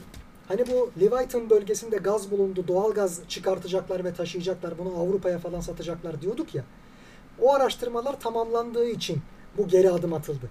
Doğu Akdeniz'de bizim Libya ile anlaşmış, anlaşma imzaladık yani. Bu imzalamış olduğumuz anlaşma sebebiyle çok büyük bir avantajımız var. Arama, kurtarma, çıkarma vesaire bölgelerin yanı sıra bir de münhasır bölgeler falan tayin ediliyor. Bu noktanın devamında oradan çıkartılan bir gaz gerek denizin altından gerekse de üstünden bizim veya Libya'nın onayı olmaksızın taşınamıyor. Diyorlar ki şimdi Türkiye'nin onayı olmaksızın biz bunu yapacağız. Nasıl yapacağız? Güney Kıbrıs'la anlaşacağız. Boru hattı oradan geçecek. Oradan çıkacak ta Akdeniz tabanından Girit üzerinden Yunanistan'a gidecek. Oradan da İtalya'ya gidecek. İnanılmaz derecede masraflı. İnanılmaz derecede masraflı bir hadise. Halbuki bunun ekonomik olanı nedir? İsrail gazı bulunduğu yerden çıkartılacak. Kıbrıs'a hiç uğramadan doğrudan Ceyhan'a götürülecek. Ceyhan boru hattı ile birleştirilecek. Kerkük'ten gelenlerle veya yukarıdan kuzeyden gelenlerle birleştirilecek ve bu şekilde Avrupa'ya dağıtılacak. Bunun zaten hatları hazır. Burayla birleştirilecek. E bunun için Türkiye'nin muvaffakatı lazım. Kıbrıs'la anlaşmak şart değil. Bu dönemde hatırlayanlar olacaktır. Kıbrıs sahasında arama yapmak için gemiler ve uçaklar gönderdiği zaman İsrail biz de Kuzey Kıbrıs'taki üslerimizden uçak kaldırdık ve dedik ki buradan geri gidin. Burası Türk sahası artık. Böyle sıkıntılı maalesef horoz dövüşleri de yaşandı. Bunlar tekrarlanmasın diye şu an İsrail geri adım atıyor. Bir durum daha var. Niye İsrail paşa paşa şu an gelip bizle koyun gibi geçiniyor? Yani kuzu kuzu biz bu işi yürütüyoruz. Bir durum daha var. Amerika son dönemlerde Biden'ın etkisiyle bu İsrail gazının çıkartılması ve taşınması konusunda İsrail'e vermiş olduğu desteği kesti. Maddi manevi desteği kesti. İsrail de kendisine müttefik aramaya başladı. Yapılan görüşmelerden anladığımız kadarıyla Rusya bu işin bir parçası. Suriye'de hem İran hem Rusya hem Amerika kendisine zaten denize kıyısı olan bir koridor açmaya çalışıyor. Ama biz yakın zamanda doğal gaz teminini sağlayabilecek olan bütün yöre ülkelerinden, dünyanın en önemli doğal gaz tedarikçilerinden. Kim bunlar? Birleşik Arap Emirlikleri, Katar, İran, Rusya. Bunun arkasından bir de İsrail'le anlaştık. Bütün enerji hatları bizim üzerimizden geçebilecek. Biz doğal gaz konusunda bilhassa herhangi bir sıkıntı yaşamayacağız. Anlaşılan o ki Musul Kerkük petrolleri bakımından da bir sıkıntı yaşamayacağız. Biri gitse diğerinden kendimizi güvenceye alabiliyoruz. Hepsinin ortak mutabakatıyla Suriye'de Amerika'nın varlığına son verip Suriye hükümetin de bu işin içerisine dahil edip Lübnan'daki kargaşaya da bir son verip buradan çıkacak olan petrolün veya doğalgazın hatlarla taşınması noktasında Türkiye'nin suyuna gidilecek. Türkiye bu noktada barışı sağlayan bir denge ülkesi olacak. Libya ile zaten bu anlaşma imzalandı.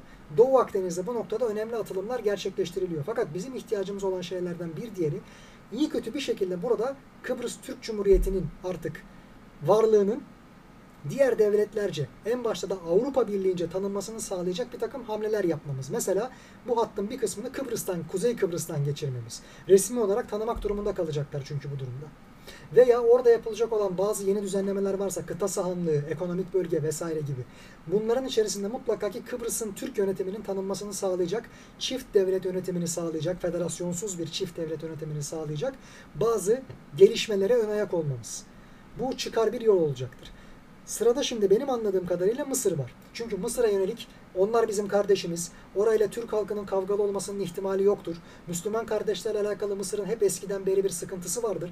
Erbakan Hoca oraya gittiğinde bile siz Müslüman kardeşlerin çok yakınısınız. Biz onları burada istemiyoruz. Onlar burada terör örgütüdür. Onları lütfen ya buradan çıkartın ya da onlarla ilişkinizi kesin. Onları saklamayı, beslemeyi kesin. Ya da biz sizle görüşmeyeceğiz diye terslemişlerdi Mısır'da. Kaddafi'nin terslemesi kadar yansımadı bu. Fakat mesela Murat Yetkin'in kitabında bulabilirsiniz bu detayları. Meraklısı için Darbeler Tarihi kitabında. Dolayısıyla anladığımız kadarıyla şimdi Yahudilerin desteğiyle diyelim, İsrail'in desteğiyle bu liderliğe çıkmış olan Mursi'yi devirip de başa gelmiş olan Sisi artık bir problem teşkil etmeyecek Türkiye bakımından. Yani ticaret söz konusu olduğu vakit politika veya ideolojiler veya ülkelerin duruşları ya ikinci plana itilecek ya da başka bir yerde bu mücadele devam edecek. Hemen çünkü arkasından Mevlüt Çavuşoğlu bir açıklama yaptı Sayın Dışişleri Bakanımız ve dedi ki Filistin'e desteğimiz sürecek. İsrail'le anlaştık ama belki İsrail lobisinin desteğini tekrar Amerika nezdinde, Rusya nezdinde alacağız ama unutmayın ki biz halen daha Filistin'e desteğimizi sürdürüyoruz. Yani bu sadece ticaret, sadece enerji. Bunun dışındaki kavgamız varsa eğer mücadelemiz sürecek. Bu enteresan bir açıklama. Onu da söyleyelim. İşte Türk-İsrail yakınlaşmasının arkasında ne gibi bir başka şey olabileceğine birazdan değineceğiz. Önce Zafer Bey'in yorumunu okuyayım. İngiltere'nin KKTC'den sürekli olarak hellim peyniri ithal etmesi İngiltere konusunda onun tanımasına yakın bir adım olabilir mi? Şöyle, İngiltere zaten Kıbrıs'ın Türk bölümünde de kuzey bölümünde yani eskiden bu yana en fazla yatırımı yapan ülkedir. Onların pek çoğu zaten İngilizlere yakındır maalesef. Dolayısıyla hani resmen tanımalarına gerek yok. Tayvan gibi resmi bir tanımaya gerek kalmaksızın ticari ateşelik falan kuruluyor. Veya Avrupa Birliği'ne Güney Kıbrıs alındıktan sonra zaten başka yollarla resmi olarak tanımasalar bile şirketleri üzerinden bunu gerçekleştiriyorlar. Yani şirketlerin bunu yapması için devletlerin resmi olarak tanımasına gerek yok. Biz devletlerin resmen tanımasını sağlayacak şeyler yapabilmeliyiz. Çünkü bu tarz taşıma, doğalgaz, enerji vesaire olaylarının hepsi devletlerin mutlaka ki tasdik etmesi gereken, imza atması gereken anlaşmalardır. Şirket düzeyinde kalamaz. Arayan çıkartan şirket olabilir ama bundan dağıtımını üstlenecek olan ve nemalanacak olanlar devletler olduğu için o durum daha ciddi. Şimdi devam edelim. Başka neler var? Biz Kapalı Maraş'ın açılmasını sağladık. İngiltere'nin hilafına rağmen. Lala Paşa caminin de olduğu o külliye, o vakfın külliyesi gördüğümüz üzere aslında vakıf senetleri sayesinde Türklere, Osmanlılardan bakiye ve Türklere ait. Bizim cumhuriyetimize ait. Bunu orada savunabiliyoruz. Vakıflar sayesinde daha pek çok şeyi savunabiliyoruz. Yunanistan ve bilhassa Bulgaristan bundan zaten çok çekti şimdiye kadar. Yani bu gücün nelere kadir olduğunu gördüler. Hatta Bulgaristan'ın bir milletvekili özür dilemek zorunda kaldı Türkiye'den. Bu minvalde yaptığı açıklamalar sebebiyle. Bu vakıf senetlerinin bir diğer yansıması daha var. Ondan da bahsedip bu yayını yavaştan noktalayacağım. Şimdi efendim Yaser Arafat Filistin'le alakalı bir takım direniş işlemleri başlattığı vakit burada da eylemler düzenlemişlerdi 70'lerde. Banka soygunu olduğu vesaire falan. Ecevit hükümeti de daha sonrasında 80'lerin sonunda 87'de biz Filistin'in kendi kaderini kendisini tayin etmesini kabul ettiğimizde Türkiye olarak yani Özal hükümeti, ANAP hükümeti zamanında Arafat'a dedik ki bak vakıf senetleri bizde var. Sen dilersen Filistin'deki pek çok arazinin aslında Osmanlı'ya ait vakıfların mallarına mensup olduğunu, onun bünyesinde olduğunu Birleşmiş Milletler nezdinde ispatlayabilirsin ve orada İsrail'in toprak satın alarak gelişmesini engelleyebilirsin. Arafat bunu kabul etmedi. Niye? Dedi ki yarın bir gün siz de bunu kullanarak o toprakları bizden talep edersiniz dedi. Biz ne destek veriyoruz? Onun kaygısına bakın. Ve ne hikmetse Yaser Arafat bugün Yahudi mezarlığında gömülü. Soru işareti. Devam edelim. Efendim. Errol Gerald diye Türk vatandaşı olan bir Yahudi var. Malumunuzdur. 2012'de bir açıklama yapmıştı. Geçen sene bu açıklama yeniden gündeme geldi. Dedi ki bu ülkeyi sabetaycılar kurdu. İşte Karakaş Rüştü'nün mektubu vardır meclise giden, yapılanmayı ifşa ettiği vesaire falan. Mois Cohen gibi pek çok sabetaycı isim var. Dönmelerden pek çok isim var devşirmelerden aynı şekilde. Safaratlar veya aşkenazlar açısından bakacak olursak Karaylar burada çoktur. Çoktan kastım öyle nicelik olarak çok değil ama orantısal olarak Yahudilerin içerisinde çoktur. Safaratlar hep çoktu. Türkiye-İsrail yakınlaşmasının arkasındaki bu başka şeylerin içerisinde Aşkenazların da artık 100. yıldan itibaren buraya geleceği ve buraya pek çok yatırım yapacağı, bunu da Rusya üstünden yapacağı konuşuluyor. Bu yüzden de İsrail'in bizle yakınlaşmış, en azından diplomatik ilişkileri normal düzeye getirmiş olması muhtemel. Ha Hazar Türkleri konusunda da şunu söylemek lazım. İşte Karaylardan bahsettiğimiz bu. Bunların arasındaki ilişki aslında birbirine çok yakın mezhepsel bir durum değil. Yani bir Katolik'in bir Ortodoks'la anlaşması çok muhtemel görülebilirken belli konularda bir Aşkenaz'la bir Sefarad'ın anlaşması neredeyse namümkün. İnandıkları şeyler belki de taban tabana zıt diyebileceğimiz durumda. Karayların durumu çok farklı. Bunu zaten ayrı bir programda ele almakta fayda var. Hazar Türklerinin pek çoğu için de Ukrayna'nın belli bir bölümünün bölüneceği, orada Hazar Türklerinin başta olduğu bir yapılanma kurulacağı, oradaki doğal kaynakların pek çoğunun da işte bu kurulan batı hattından Bulgaristan ve Türkiye'ye geleceği konuşuluyor. Ukrayna'daki mevcut hükümetin düşürülmesi, Donbas bölgesinin ayrılması, Kırım'ın ayrılması, geri kalan kısımda da Karay Türklerinin çoğunlukta olduğu onlara ait, Hazar Türklerine ait bir ülkenin yapılanmasının kurulacağı söyleniyor. Bununla alakalı girişimlerin bulunduğu. Bu bahsi geçen Kırım'a çok yakın görülen bir nükleer santral var ya hani burayı işte sabotaj unsuru vesaire haline getirebilirler diye. Aslına bakarsanız o sabotajı yapacak olanlar Ruslar değil. Yaparsa bunu Ukraynalılar yapar. Ülke elden gitmesin, Ruslara da yar olmasın diye. Çünkü başka çareleri kalmadı. Ayrıca onların içerisinde pek çok hakikaten neo-nazi unsur da var. Buna karşılık eylem olarak seslerini duyurmak için bunu yapabilirler. Hele bir de Batı yeterince mali veya silah bakımından destek yapmayı söylemezse, pardon sona erdirirse, devam etmezse gerçekten bunu yapabilirler. Fakat bugün çok güzel bir röportaj dinledim ben. Haber Global'de. Konunun erbabıyla yapmışlar bu röportajı. Çok pardon hemen şimdi ismini tekrardan görmek için bir bakacağım yaptığım paylaşıma. Efendim Haber Global'de dediler ki bu nükleer santralle alakalı bir sabotaj gerçekleşirse yeni bir Çernobil vakası yaşanır mı? Dedi ki Çernobil Rusların eski teknolojiyle kurmuş olduğu güvenlik kabuğunu inşa etmeden kurduğu nükleer santrallerden bir tanesiydi. Burada yaşanan sıkıntılarda açığa çıkan radyasyonu emecek bir şekilde kapatıp kendi içinde tutacak bir ek güvenlik mekanizması mevcut değildi. Bu yüzden çevreye yayıldı. Bu yüzden bu facia yaşandı. Böyle olmasaydı Rusya, Sovyetler Birliği yani gizli tutmayı başarabilirdi. Kimsenin de ruhu duymazdı. Belki daha evvelden böyle şeyler gerçekleşmiştir ama böylesi bir saçılım olmadığı için duymamışızdır. Rusya'nın Sovyetler döneminden kalan pek çok işaretlenemez bölgesi var. Kimsenin bilmediği, duymadığı. Bu ayrı bir konu. Beyefendi bu arada Adil Buyan. Onu da söyleyelim. Dedi ki bu nükleer santralde ise daha sonradan yapılan yeni nesil santrallerden bir tanesidir. Güvenlik kabuğu var. Böyle bir sabotaj yaşansa bile en fazla o tesis kullanılamaz hale gelir. O radyasyonu bir şekilde muhafaza edecek, çevreye yayılmasını engelleyecek bir güvenlik tedbiri var. Bunun bir benzeri 79'da, Çernobil 86'da olmuştu biliyorsunuz. 79'da 3 mil adasında Pensilvanya'nın çok yakınındaki bir nükleer santral tesisinde yaşandı. Ben yıllardır bunu dile getiriyorum. Çernobil diyorsunuz ama bakın Amerika asıl en büyük faciayı yaşayacaktı diye. Çünkü Çernobil hem coğrafi olarak çok fazla insanın yaşadığı bir bölge değil. Ayrıca da pek çok ülkenin merkezine uzak bir yer. Fakat Pensilvanya bölgesine baktığımız vakit en yoğun nüfuslardan birini barındırıyor. O noktada o facia yaşandı, kıyısından dönüldü. Niye? Çünkü güvenlik muhafazası vardı. Güvenlik kabuğu diyelim, katmanı. Bu tesis böyle bir erimeye maruz kalmadı ve civara yayılmadı bu radyasyon. Sıkıntı yaşanmış olsa bile. O noktadan itibaren zaten kapattı nükleer santrallerini Amerika. İnşaat halinde olanların da hepsinin projesini iptal etti. Zamanında da Rusların yapmış olduğu bu güvenliksiz diyelim nükleer santrallerin pek çoğu Avrupa Birliği tarafından şöyle pasifize edildi.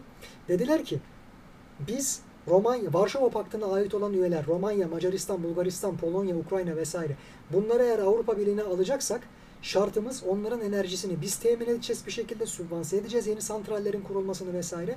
Tek şartımız Sovyetler döneminden kalma ve Çernobil'e benzeme ihtimali olan bütün nükleer santralleri kapatacaklar.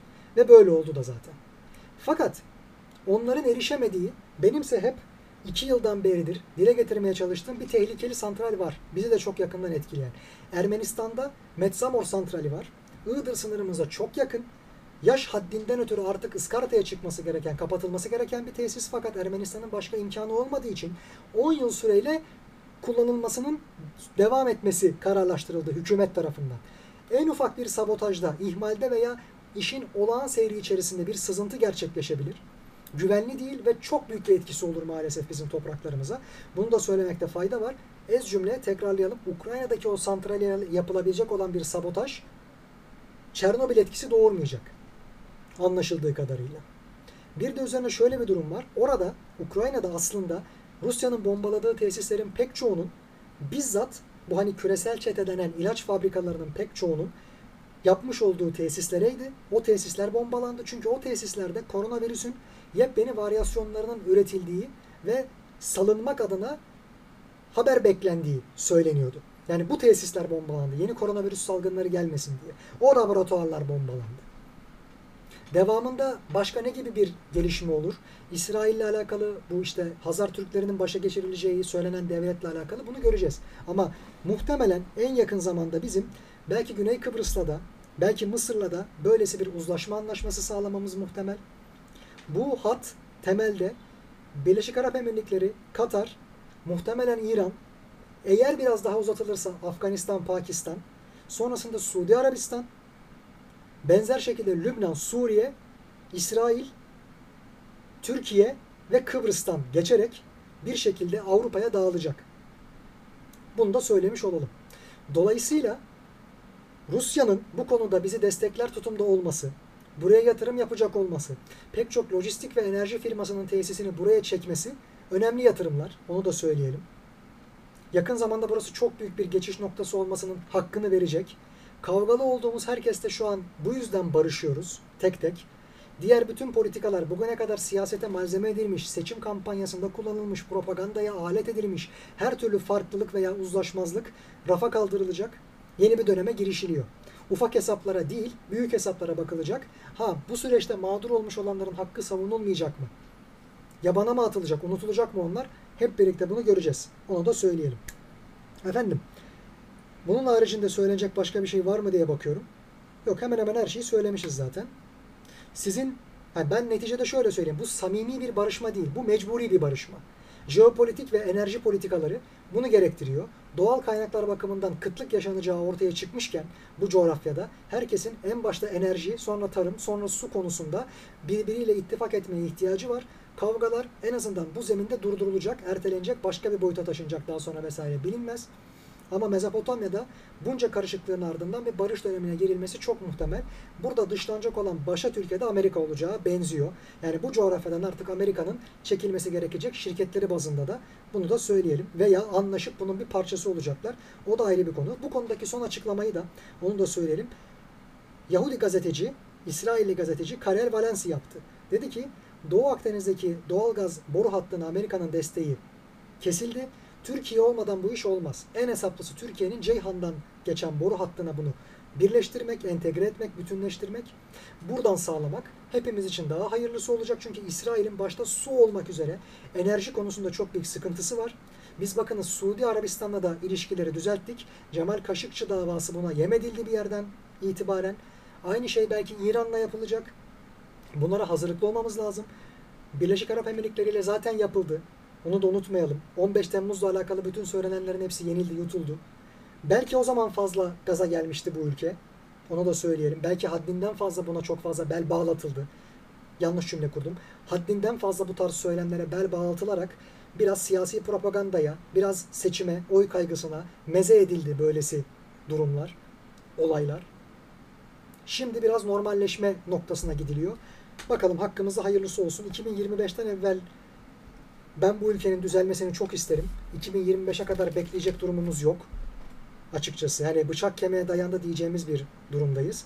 Ama 2023'te her şey mümkünse sulh yoluyla hallolsun. Seçimler yapılacaksa adil şekilde yapılsın. Bunun dışında bizim bir beklentimiz olmayacak. Bütün konuları konuştuk. Epey de uzun bir yayın yaptık. İki buçuk saat oldu neredeyse. Katılan herkese çok teşekkürler. Efendim, sürçülisan ettim farkındayım ama lafa güzaf ettiysem özellikle affola. Her ikisi için de şimdiden affınızı talep ediyorum, rica ediyorum. Talep etmek çok yanlış bir söylem, bunu gördük. Burada kasten numara yapmış olayım. Efendim her zaman olduğu gibi merhum İsmet Badem abimizin dillere pelesenk ve sizlere veda edeceğim. Dudaklarınızdan tebessüm, kalbinizden her neyi seviyorsanız işte onun sevgisi eksik olmasın. Şen kalın, esen kalın. Tekrardan görüşünceye dek hoşçakalın.